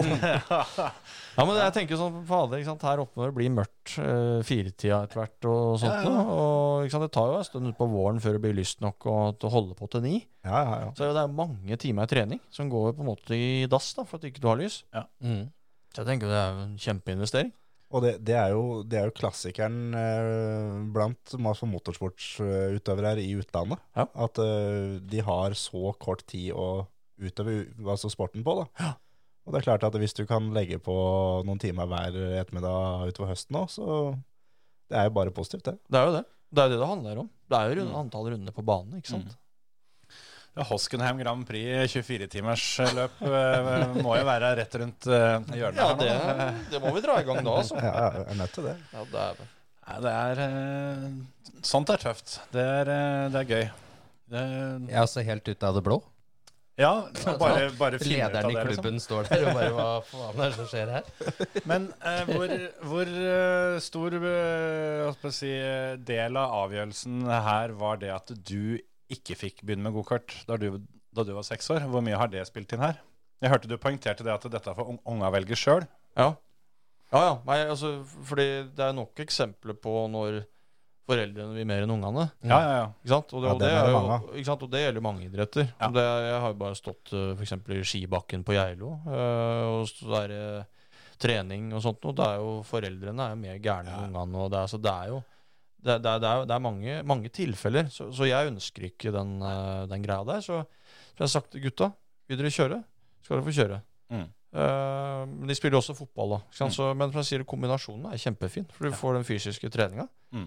og så har du den kjøretreninga. Så, så da følger jeg opp så, så, så godt jeg kan. Absolutt. Ja, For det er jo kanskje spesielt i ting som eh, er litt kostbart, Mm. sånn som motorsport er, så Ja. har jeg også inntrykk av at det er en, eh, en del foreldre da, som, eh, som kjenner det kanskje litt for hardt på lommeboka, Mm. som, som da ikke vil slippe dette her sånn, sjøl om ungene egentlig har funnet ut at nei, er ikke dette jeg har mest lyst til, Nei. så får de på en måte ikke fri.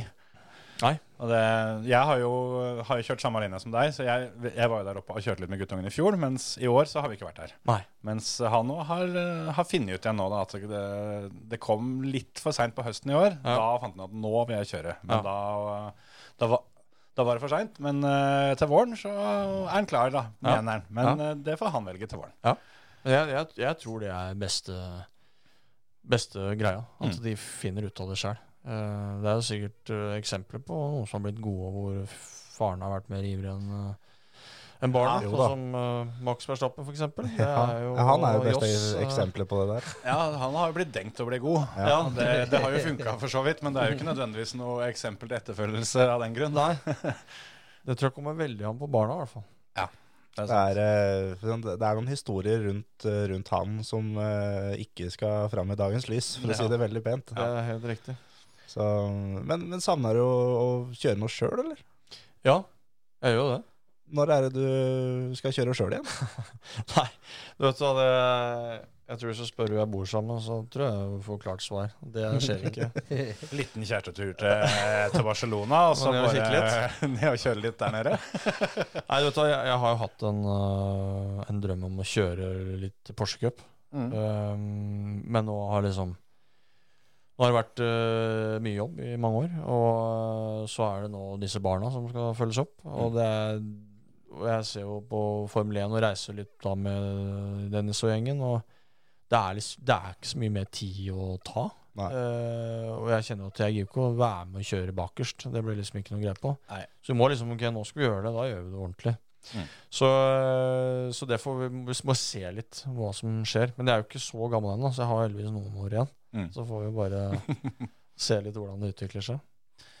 Men du har jo, om, om ikke du skal kjøre den, så, så har du jo har du i hvert fall fått kjøpt deg en uh, heftig løpsbil. For uh, vi må jo tilbake til denne, denne, denne garasjen som vi begynte med. For, eh, for der, der står det en bil som, som ikke du får kjøpt maken til. Eller det er kanskje én til han.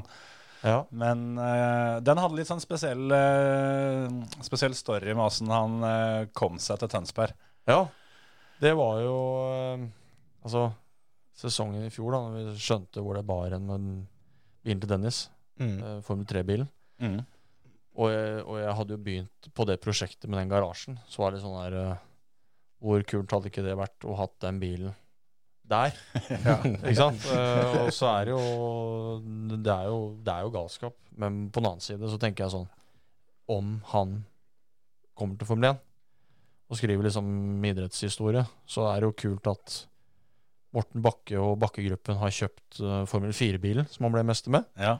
Og så har vi da har vi kjøpt den Formel 3-bilen. Ja. Og så vet jeg jo at det er en som, annen sponsor som har tinga på Formel 2-bilen. Ikke sant? Ikke sant? Som han da eventuelt eh, klarer å komme seg opp med. Eh, så eh, så tenker jeg det at det, det må vi bare få til. Så var det sånn at den garasjen skulle ha en litt sånn åpning. Åpningsfest. Så det var jo masse styr, ikke sant. Fordi at Prema var jo litt negativ til å selge bilen, for de visste jo at dette var jo en vinnerbil. Mhm. Eh, men etter mye om men, så, så, så ble vi enige om det. Og så skulle jo dette hentes, for det er klart at du kjører jo ikke den på veien. Så det fikk jo da sendt en kar fra, fra Tønsberg og ned til fabrikken, altså, eller til eh, kontoret til Prema nede i mellom Milano og Venezia, hvis ikke jeg tar feil. Ja. uh, for å hente dette greiene. da. Mhm. Og da, da var det sånn at uh, det var bare da å hente bilen og kjøre til Hirtshals og ta båten til Larvik. Eh, og dette var jo da han dro ned en mandag, uh, og vi skulle da ha den her festen på en lørdag. Altså lørdagen etter. Mm. Uh, så kjører de til Hirtshals, og det er jo langt fra Hirtshals til Milano, ikke sant? Det tar jo noen timer ned med bil og henger. Ja. Så de kom jo dit tirsdag, mener jeg husker var.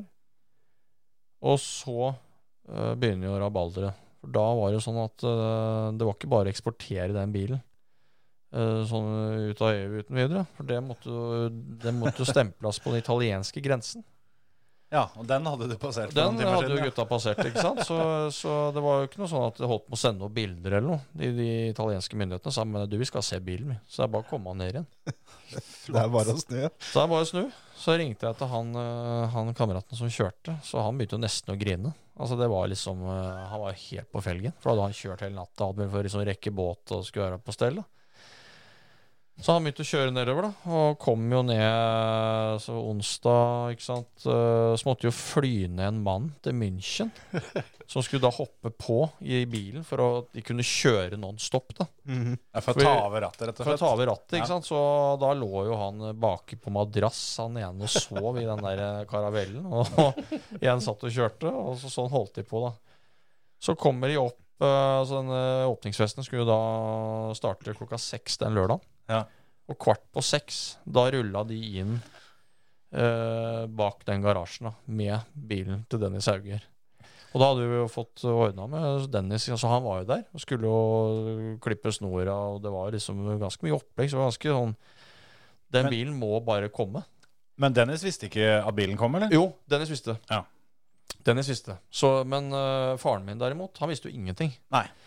Så han, uh, jeg dro han inn øh, på den bakdøra og sa du nå bare ikke spør. Bare sett deg på det bakhjulet og hold kjeft. Så da fikk vi rulla den bilen inn i heisen, og han satte seg på bakhjulet, og jeg satt på bakhjulet, og Dennis satt på forhjulet. Og så kjørte vi den der heisen da, som du var inne på i stad. Ja, ja. øh, Så kom vi opp i røyken øh, og noe lysshow og noe greier. Så det blei jo, ble jo kjempestemning. Men det var jo rett før røyk, for å si det sånn.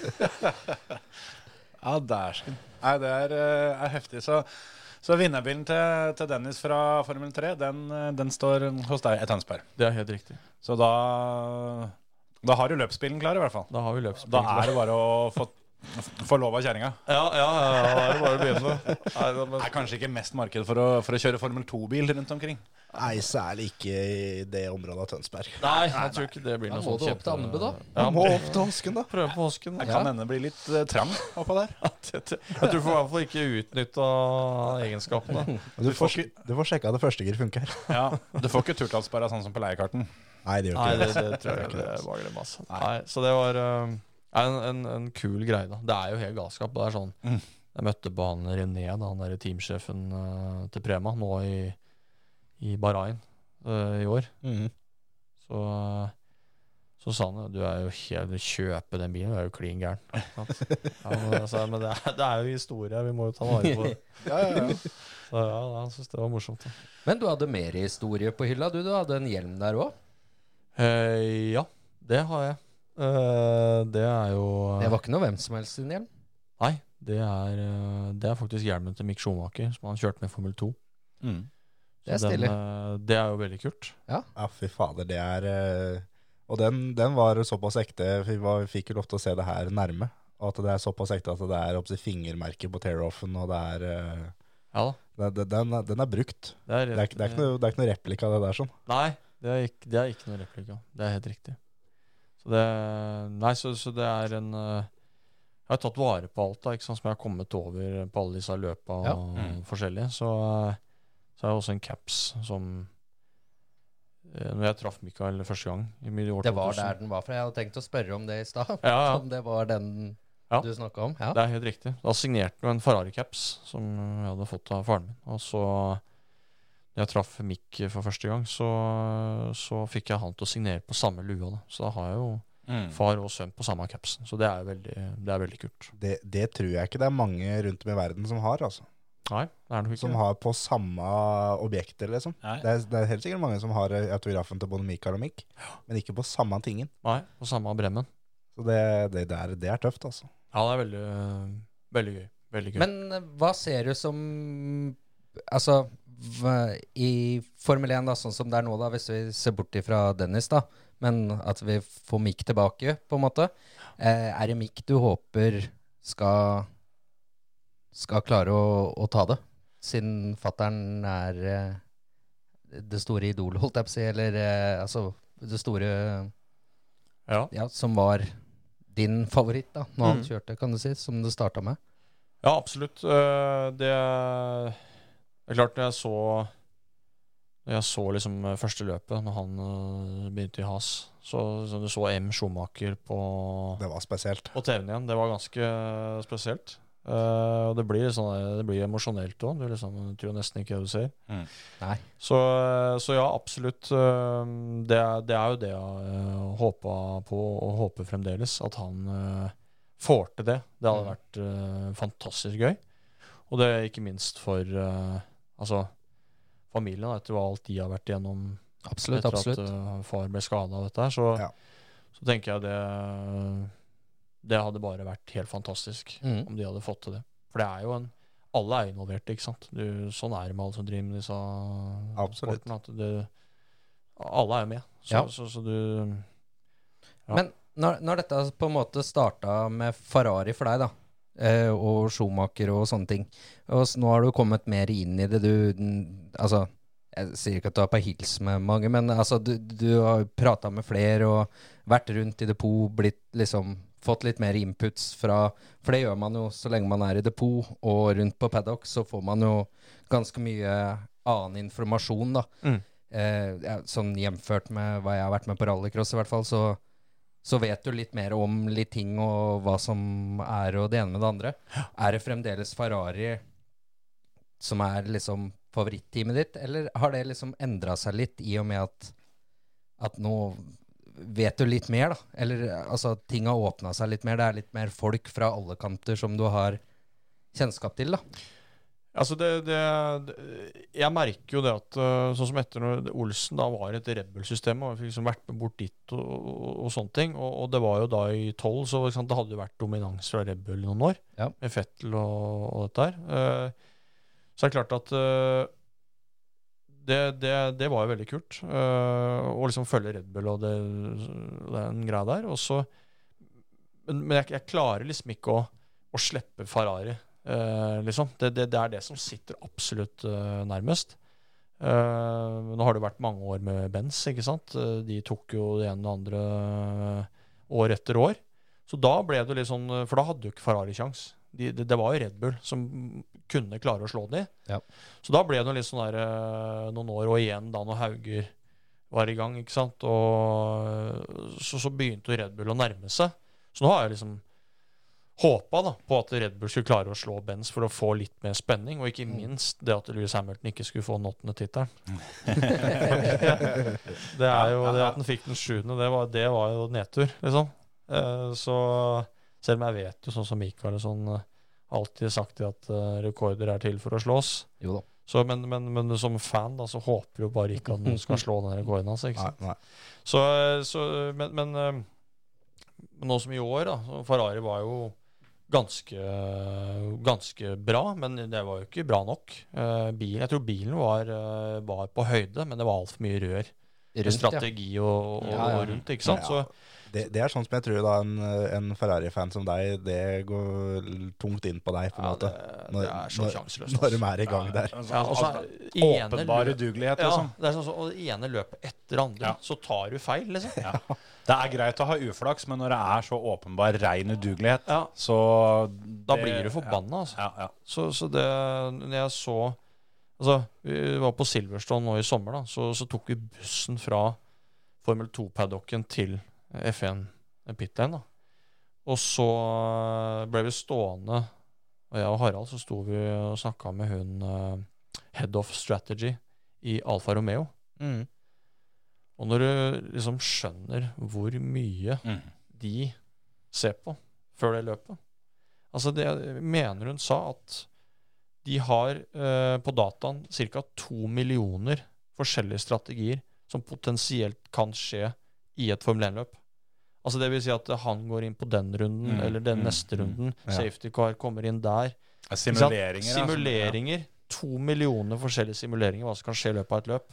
Da, da, da skjønner du hvor gærent det er. da. ja, fy fader. Det er ikke så ille lenger når Ferrari kommer til plan F.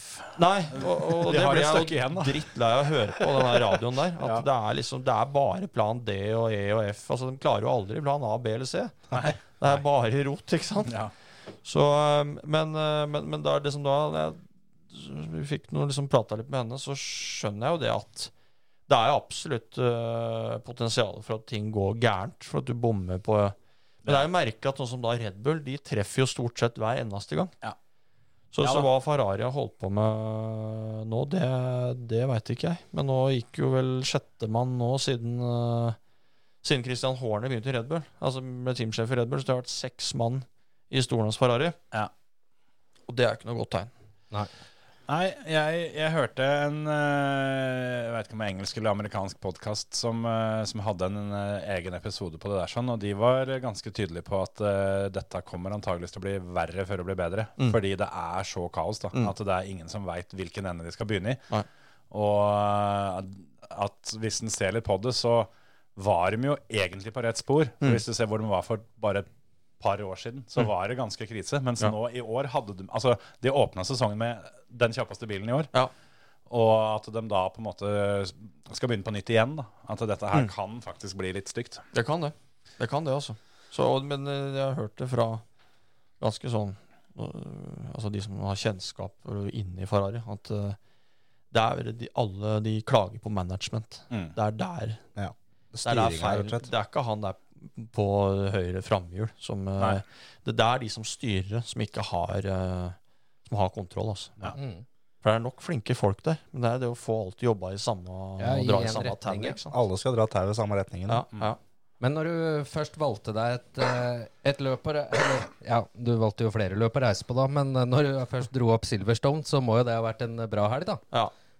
Med Science der, som eh, ja, I oppsummeringa vår så var det at han ga fullstendig faen i alt som var, og bare vant hele greiene. Ja. Ja. Ja, det, det var rimelig rått. Ja, det, var jo en kjempehelg. Altså eh, Silverstone og, og England eh, og motor, det, det er jo noe helt spesielt. Mm. Altså Der er den det ene tannløse etter den andre, og der, der er mye altså, Der er alle på løp, liksom. Ja. Ja. Eh, og ekstrem liksom eh, kultur for motorsport. Mm. Så det å gå rundt på Silverstone eh, på en sånn løpshelg, det er, det er fascinerende. Altså, det Ja. begynner jo langt på utsida av banen med at folk står langs gjerdene og bare venter på å kunne se gutta, ikke sant. Eh, selv om det er ikke så lett, fordi de kamuflerer seg bra med motorsykler og svarte hjelmer, og det er eh, De holder på. Men det, det, det er bare en helt egen greie, altså. Ja. Det må jeg bare si. Så det, det, også, det, det løpet er jo verdt å dra på. Altså, eh, for en som er interessert og liksom vil se et løp i Europa, så er det jo ikke sant, enkelt. Fly til London, uh, kjøre bil ut. Det, Mm. de, de, de kan jo arrangere. Ja. Det er det ikke noe tvil om. Det er svære parkeringsarealer, og det er de, der er ikke noe tilfeldig, altså. Nei, Det er jo som vi har vært på Lyden Hill. det. Ja, ja, Der har du med drive-in-parkering. Yes. Som parkerer i skråning, og som du ser hele banen. Så om det begynner å regne, så kan du sitte i bilen og se på billøp. Ja, ikke sant? Det er helt rått. Helt Ja, rått. Jeg husker også jeg var på Brands Hatch med Dennis han kjørte Formel 4. Og det var jo en, eh, det var jo en helg hvor de eh, kjørte sammen med BTCC. Mm. Det er fett, det. Ikke sant? Og da var broren til Louis Hamilton kjørte jo der. Og det, det var jo Altså, jeg, jeg, mener det var 60 000 mennesker der. På en sånn vanlig sånn søndag uti der. øh, Og det var BTCC og Formel 4.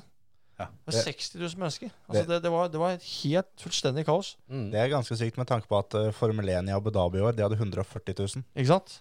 Og Det, sier ganske mye. Det, ja, det sier mye om eh, både Abu Dhabi og, og alt sammen der. Ja, det var, altså 60 000 mennesker er vel dobbelt så mye som det var på løpet i Qatar i fjor. Ja, ikke sant? Så Ja, men det er helt sjukt. Så det, det er bare blitt sånn superimponert over hvordan eh, altså, Du tenker som England og fotball, ja, ja. men motorsporten det må jo være minst like det- eh, populært. altså. Det tror Ja, det jeg faktisk. Jeg tror, jeg tror Lewis Hamilton er en vesentlig større stjerne enn eh, ja, Hvem er størst i fotballen? Harry Kane eller noe sånt? Ja.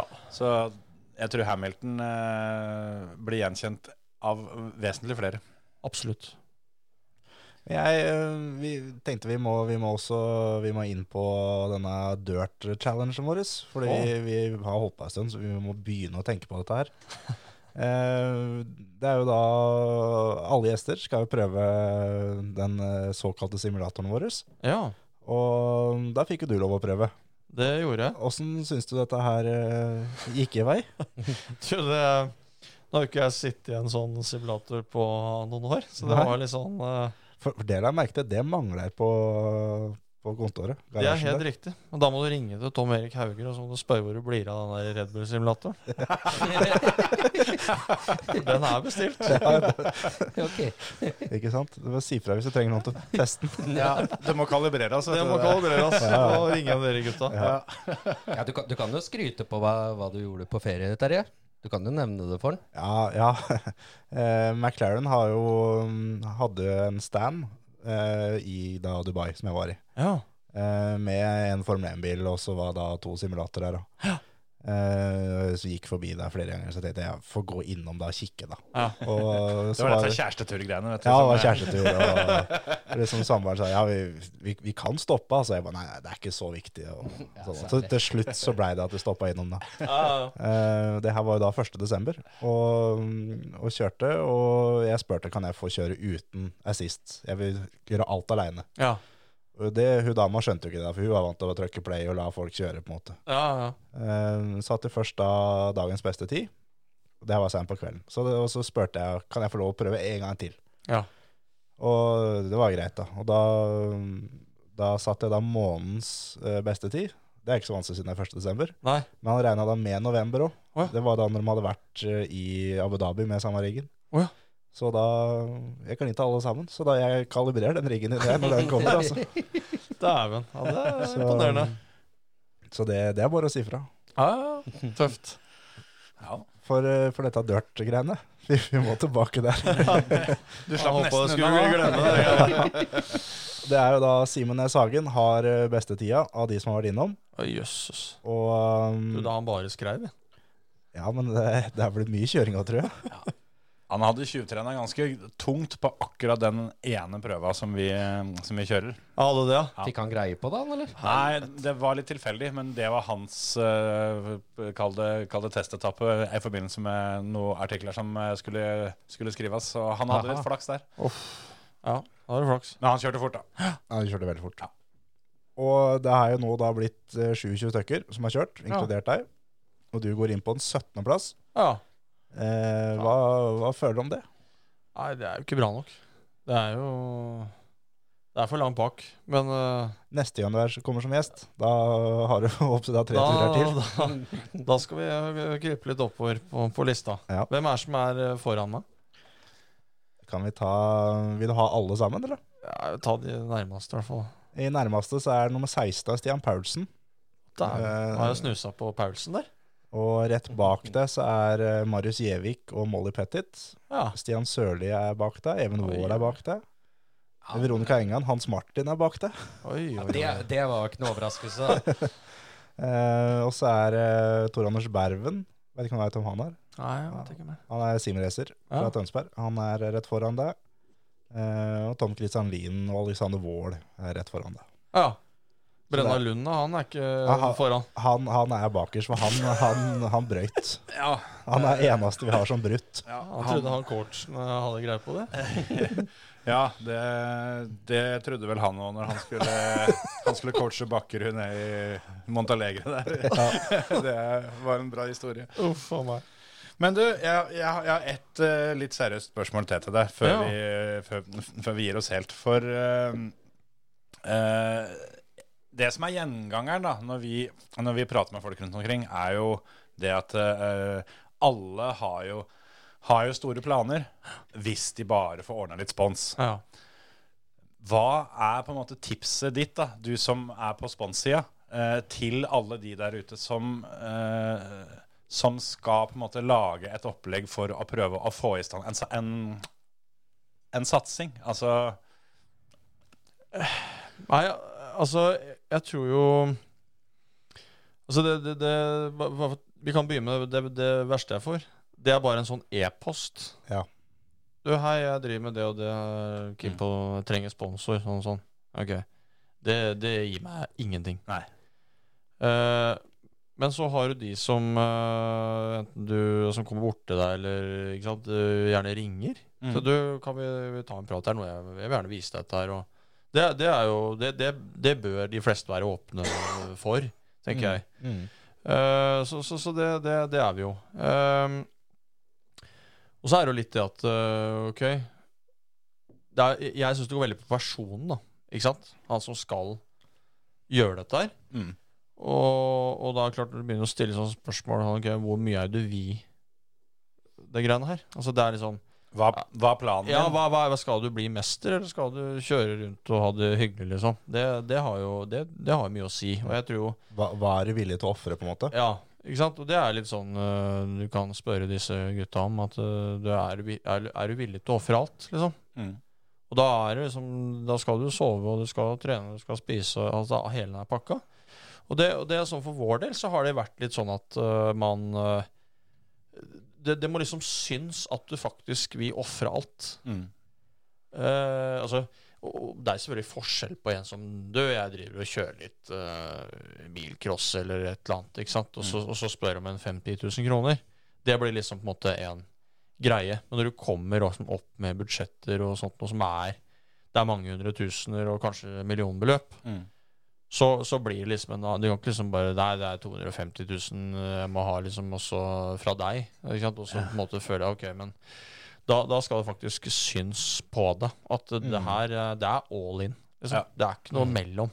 Det skal stå litt i, i eh, stil til det de ber om, da. På en Ja. måte. At de, eh, de kan ikke komme og forvente at, det, at du skal betale for festen, og så ordne det seg sjøl, men de er faktisk nødt til å gjøre jobben. Ja. Og så er det jo det som var litt innom i stad òg, at, eh, at du må også føle som Én ting er sånn der merke på bilen og, og den biten der, men, men at du føler at uh, det er kanskje en arena som um, også gir noe i forhold til det med nettverk, business, og den pakka der. At du kan klare på en måte å visualisere det på noen måte. da. At ja. nei, han der ikke sant, driver med det, han driver med det. eh, kanskje det kan være noe. Treffes på et løp Mm. sånn og sånn, da skal han og han. Er sant? Der syns jeg jo sånn som uh, Roy Espen, eh, ikke sant? Tom Erik, Harald Disse er jo flinke til å liksom Mm. samle folk, så det, det, det, det blir interessant. da Ja, ja. Ikke sant? At det, Du føler at du må dra på det løpet, for da kommer jo de og de og de. For først er de hyggelige. For andre så kan det være at det blir buttikadde. Ellers så blir det bare en relasjon som eh, kanskje man eh, får et eller annet ut av om ti år. Ja, sant? Det, Altså, kan- det, det kan jo bli butikk om 10-20 år. Det veit du aldri. Men, men at man liksom eh, har den biten der, da. Eh, og så er det kanskje det sikkert lettere å skape på en arena hvor du plutselig har tilgang til å dra på Formel 1-løp, Mm. kontra å stå Ja. på Høljøs med et eller annet, liksom. Altså, Ja. det, det er jo klart, men jeg tror jeg tror øh, Jeg tenker jo sånn at det er, jo- det er jo et eller annet bra med alle. Mm. Så, så, så, Ja. Men det er det å klare å liksom skape det og få det, få det synlig, da.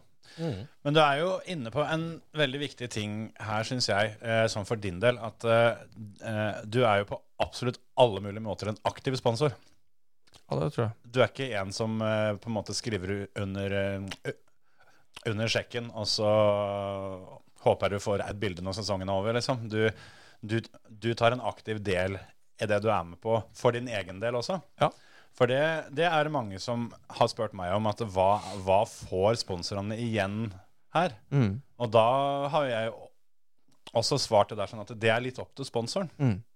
For det, det er nok mange der ute òg som føler at ja, men, ja, men å sponse motorsport eh, eller andre ting for den saks skyld, Mm. det gir meg ikke noe særlig.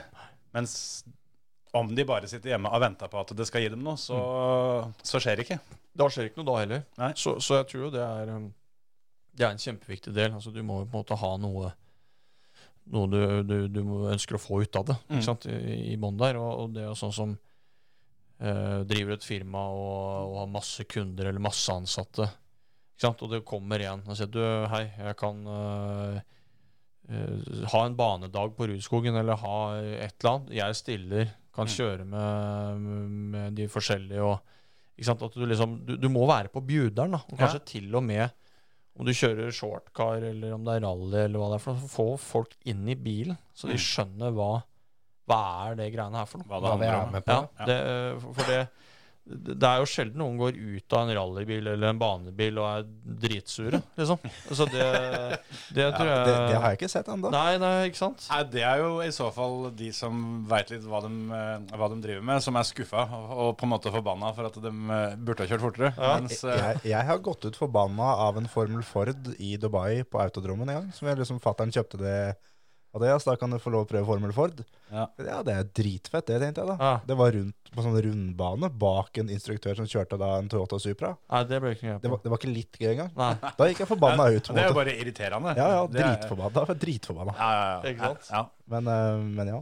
Men når det gjelder de tinga der, så er jo, som du sier, jo interessen å bjuda på litt og, og den biten der, så er jo det på en måte å ta litt vare på sponsorene sine òg, da. For Mm. hvis du er rundt, rundt her, og så får du 100 000 der, eller 10 000 der, eller Og så hører de ikke noe fra deg før du sender det bildet på høsten. Takk for støtten, liksom. Så, så kan du ikke forvente det at ok, dette, ja, det her var dritfett bilde, det, det her blir vi med på til neste år òg, liksom. Vi, vi, vi, vi dobler neste år. Det Ja. gjør jo ikke det. Ja, det, og, det, og det verste er det er jo på en måte blitt tatt litt sånn for gitt. Ja. At du liksom bare tenker at nei, men det er bare å sende en regninga for neste år òg. Altså, Ja. Det blir sånn her Ikke sant? Uh, og, men det er jo uansett om det er 10 000 kroner, om det er 100. Ja, ja, ja. Men, men at det liksom følger opp gjennom sesong, Mm. oppdateringer.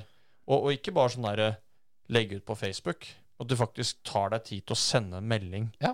personlig. Så vet du, nå har det vært eh, sånn og sånn. Uh, endre på det og det. Ikke sant? Man liksom føler seg litt Ja, ja. informert og inkludert. da. Ja. Mm. Det tror jeg er ganske Det syns iallfall jeg er veldig fint. Så, sånn som eh, Harald Tom Erik er jo veldig flinke til å informere underveis eh, på en sånn WhatsApp-gruppe. Mm. Og da har du en som på en måte er litt sånn for alle, og så har du en som er sånn for sponsorene. Og der får man jo masse øh, kule nyheter ikke sant, som ikke alle andre får sånn med en gang. Mm. Man er veldig tett på. Mm. Da, da, gir, da gir det noe hele tida. Mm. Men det, det har jo også litt med at man er veldig interessert òg, men Ja. jeg tror liksom Du må liksom knytte de litt sånn tett på, for ellers så blir det bare sånn som det er veldig ofte da, med Ja. spons, at det er den der, får den regninga. Altså, Mm. der syns jeg sånn som eh, vanlige idrettsklubber, altså fotballklubber og sånt, da, det, det er veldig sånn Nei, du trenger 9500, og så får du det skilt på veggen, og så hører du ikke noe før neste år regninga kommer på nytt, liksom. Altså, det blir sånn her det blir, det blir ikke noe ut av. Da, da, da må dere bare si det at vet du, det du gjør nå, det er kun vedledighet. Ja. Og det er jo mange ganger hyggelig, det. Men, Ja, skal du opp i litt summer, så må det være litt mer eh, orden på det. Ja, Altså. vi hadde jo sånn fast når vi holdt på med rallycross EM, eh, jeg og Frode Holte, da. Vi sendte ut etter hver omgang så sendte vi ut resultatene til, til de største sponsorene våre. Da. En Ja. tekstmelding om at eh, den og den tida, og vi har problemer med det og det. Og, Og det, da, da føler jeg liksom at sant, I hvert fall hvis ting blir liksom skrevet litt om i media og sånn, da. Så der kommer jo ikke alt fram. nei. Så det blir sånn at okay, han endte der, og så sånn og sånn. Og så ok, men faen, hvorfor ble han nummer 15? Ikke sant? Det er som regel en grunn til det. Ja. Og da er det litt sånn ålreit å få litt sånn heads up underveis at du fader, i dag vi fikk ikke oppsettet til å spille, liksom. Men det, Mm. det ble disaster. Ja, at Ja. du er litt sånn orientert i forkant der. I dag, Kjempebra. I dag behøver du ikke eh, på en måte hakle av sjampisen på kjøl, for det, i dag kommer det ikke til å, å bli det store. Men, men vi veit hvorfor, så Ja. vi håper det går bra til helga igjen. Liksom. Ikke sant? Og sånn som Dennis øh, nå, da, det er jo Jeg syns jo det er fint å ha en sånn Så han, han kommer jo alltid en dag til Tønsberg øh, etter sesongen, hvor vi snakker om neste år. Ja. Ikke sant? For liksom Vi kjenner litt på kroppen. Og jeg, jeg syns det er fint. Han setter seg ned, vi reiser litt rundt og hilser på litt andre øh, i byen og litt sånt noe som, som er interessert i dette her. Snakker om Mm. neste år. Ikke sant? Mm. Hva skal du endre på? Hva kan du gjøre bedre? Så, så jeg, jeg er jo jeg er veldig på. Jeg syns ikke at det bare skal liksom sveve rundt. da. Nei. Det må jo egentlig være for hans del, så må det jo være på en måte i gåseøynene altså en drømmesponsor òg, da.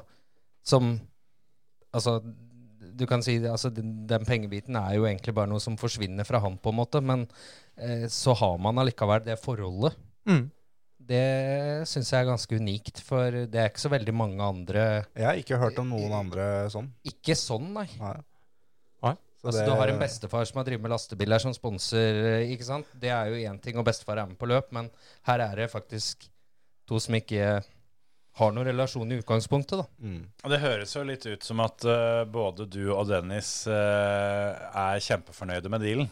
Og det er jo et uh, utgangspunkt som er forholdsvis sjelden. Da. At, at, at du føler du får Altså, Jeg aner jo ikke hva du betaler, men altså at dette er noe du kommer bedre ut av enn om du ikke hadde gjort det.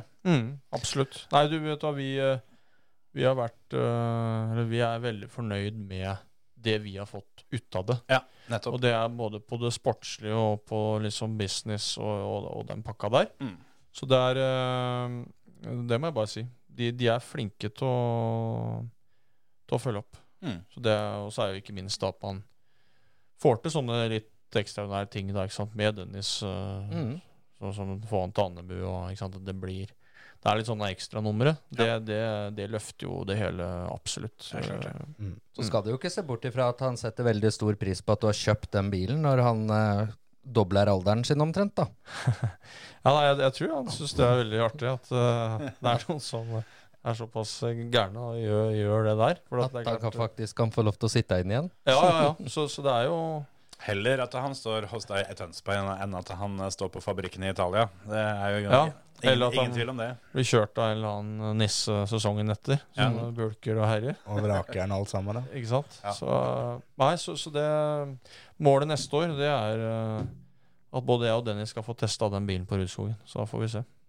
Det, det, det gleder jeg meg til. Vi tar gjerne en tekstmelding, vi, Ja, når ja, dere ja. skal bort og teste. Det henger på.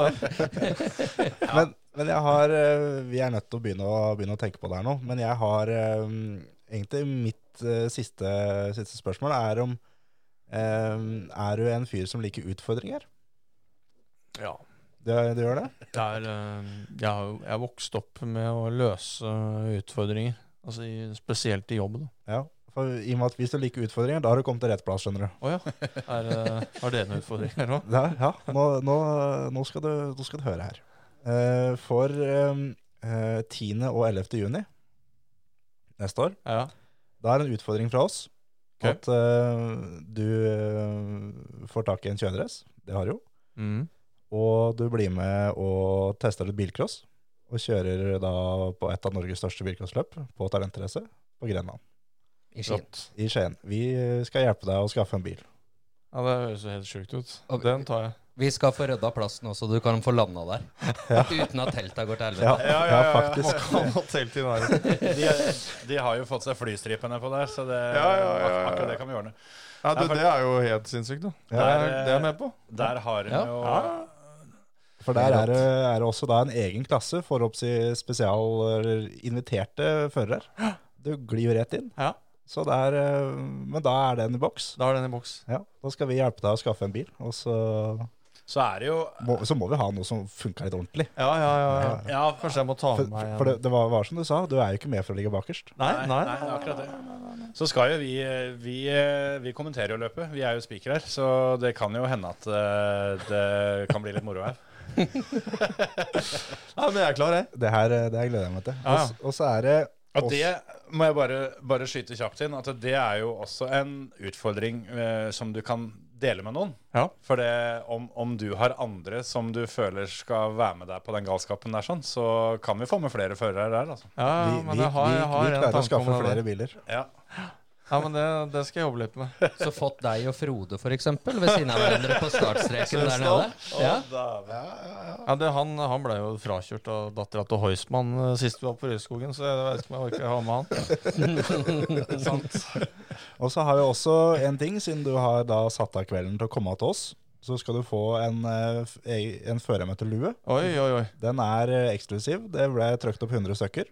Og det, det begynner å bli jævlig tomt Ja, på det lageret. kult. 97 er på river vekk. Ja, Vi har Han- to igjen etter den der. Oi. yes.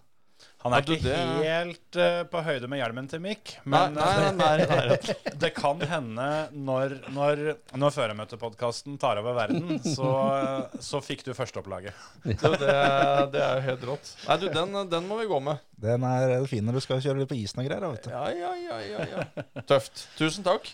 Takk for at du kom. Ja, Det har vært eh, en særs hyggelig halvannen time omtrent. Ja, nærmere to. Nærmere to, ja. Men det, det, det har vært gøy. Så dette setter vi stor, stor pris på. Så får vi bare takke for besøket og ønske, håper å ønske deg lykke til med 2023-sesongen nå. Takk for det. Mm. Takk for at jeg fikk komme. Bare hyggelig. Ha det. Ha det! Ha det. Ha det.